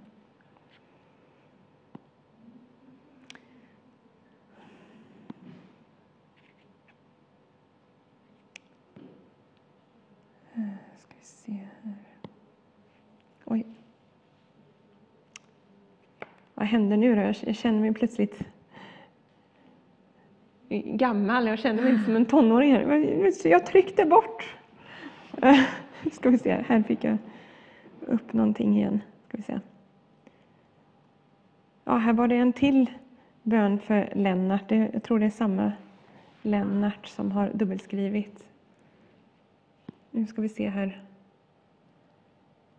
Be för min dotters framtid. Mm. Kära Herre, tack för denna dotter. Mm. Tack för din godhet, att hon har fått födas till sin mamma. Mm. Tack för hennes mammas kärlek till sin dotter. Mm. Herre, vi ber att mamma ska få se sin dotter mogna och växa till i livet. Mm. Lära känna dig om hon inte gör det. Växa nära dig. Få en djup relation med dig, Herre. Mm. Att hon ska få växa upp till att bli en, en Guds kvinna, Herre. Mm. Vi ber att du ska fortsätta och leda hennes mamma i förbön för henne dag för dag. Mm. Tack Herre att våra barn är gåvor ifrån dig. Mm. Gåvor vi har fått att förvalta. Mm. Hjälp oss att se, se på dem att de är ytterst sett dina. Mm. Tack att vi, vi får be för deras bästa och hjälpa dem i din kraft.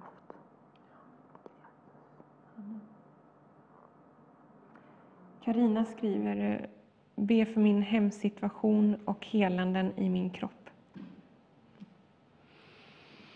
Mm.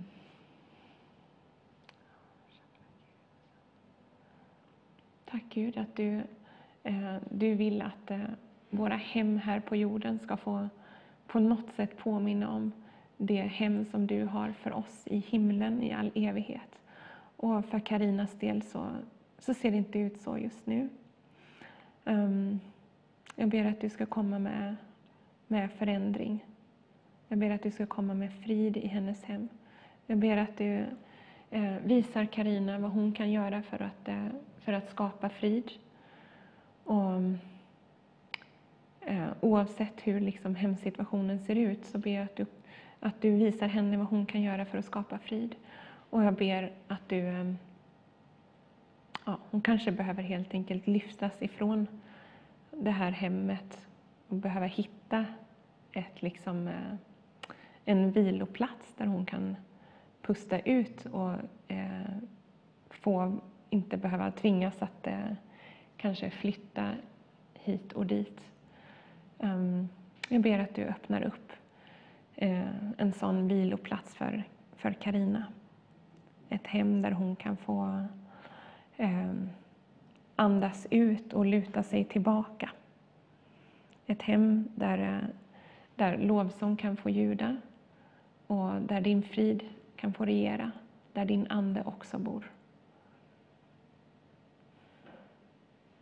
Och jag ber för hennes kropp som eh, är märkt av eh, lidande och behöver helande. Jag ber att du kommer med, eh, med din kraft över hennes kropp, att hon får uppleva hur, ja, hur du rör vid henne och tar, tar hennes smärtor på dig. Kom och befria henne, Jesus, vi ber.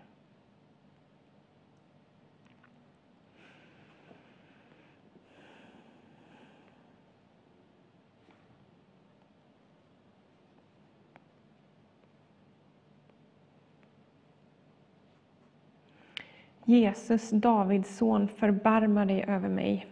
Gud vet.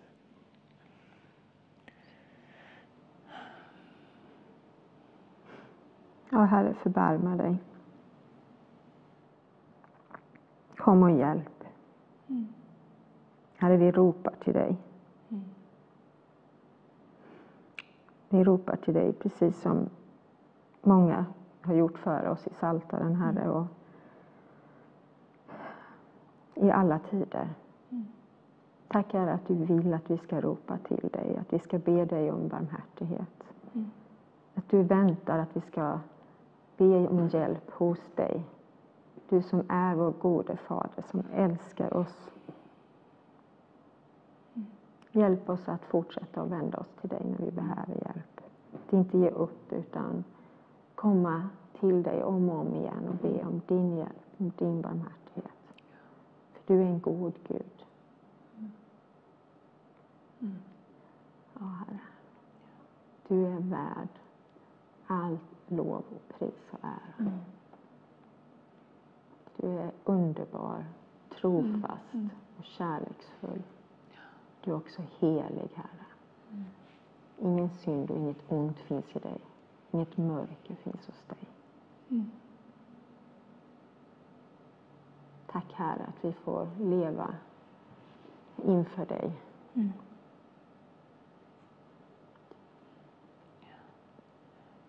Tack att du bevarar oss dag för dag. Mm. Tack Herre att du har gett oss en framtid som är säker, som är god. Mm. Tillsammans med alla de heliga. Mm. En dag, Herre, så ska all synd vara borta. All död, all sjukdom, allt ont. Och vi ska leva helt rena och rättfärdiga och heliga tillsammans med dig. Mm. Mm. Det ber vi, Herre, för den här personen. Förbarma dig. Mm. Trösta och uppmuntra. Ge ditt hopp ditt alldeles egna hopp, Jesus Kristus. I Jesu namn. Amen. Amen. Och med den bönen eh, tackar vi för oss här ikväll. Önskar dig en riktigt fin helg vidare. Och eh, kom ihåg att Jesus älskar dig och han har dött för dig för att du ska få leva tillsammans med honom och Gud Fadern och den helige Ande i perfekt kärlek och harmoni i evigheten. Tack för ikväll. Vände sitt ansikte till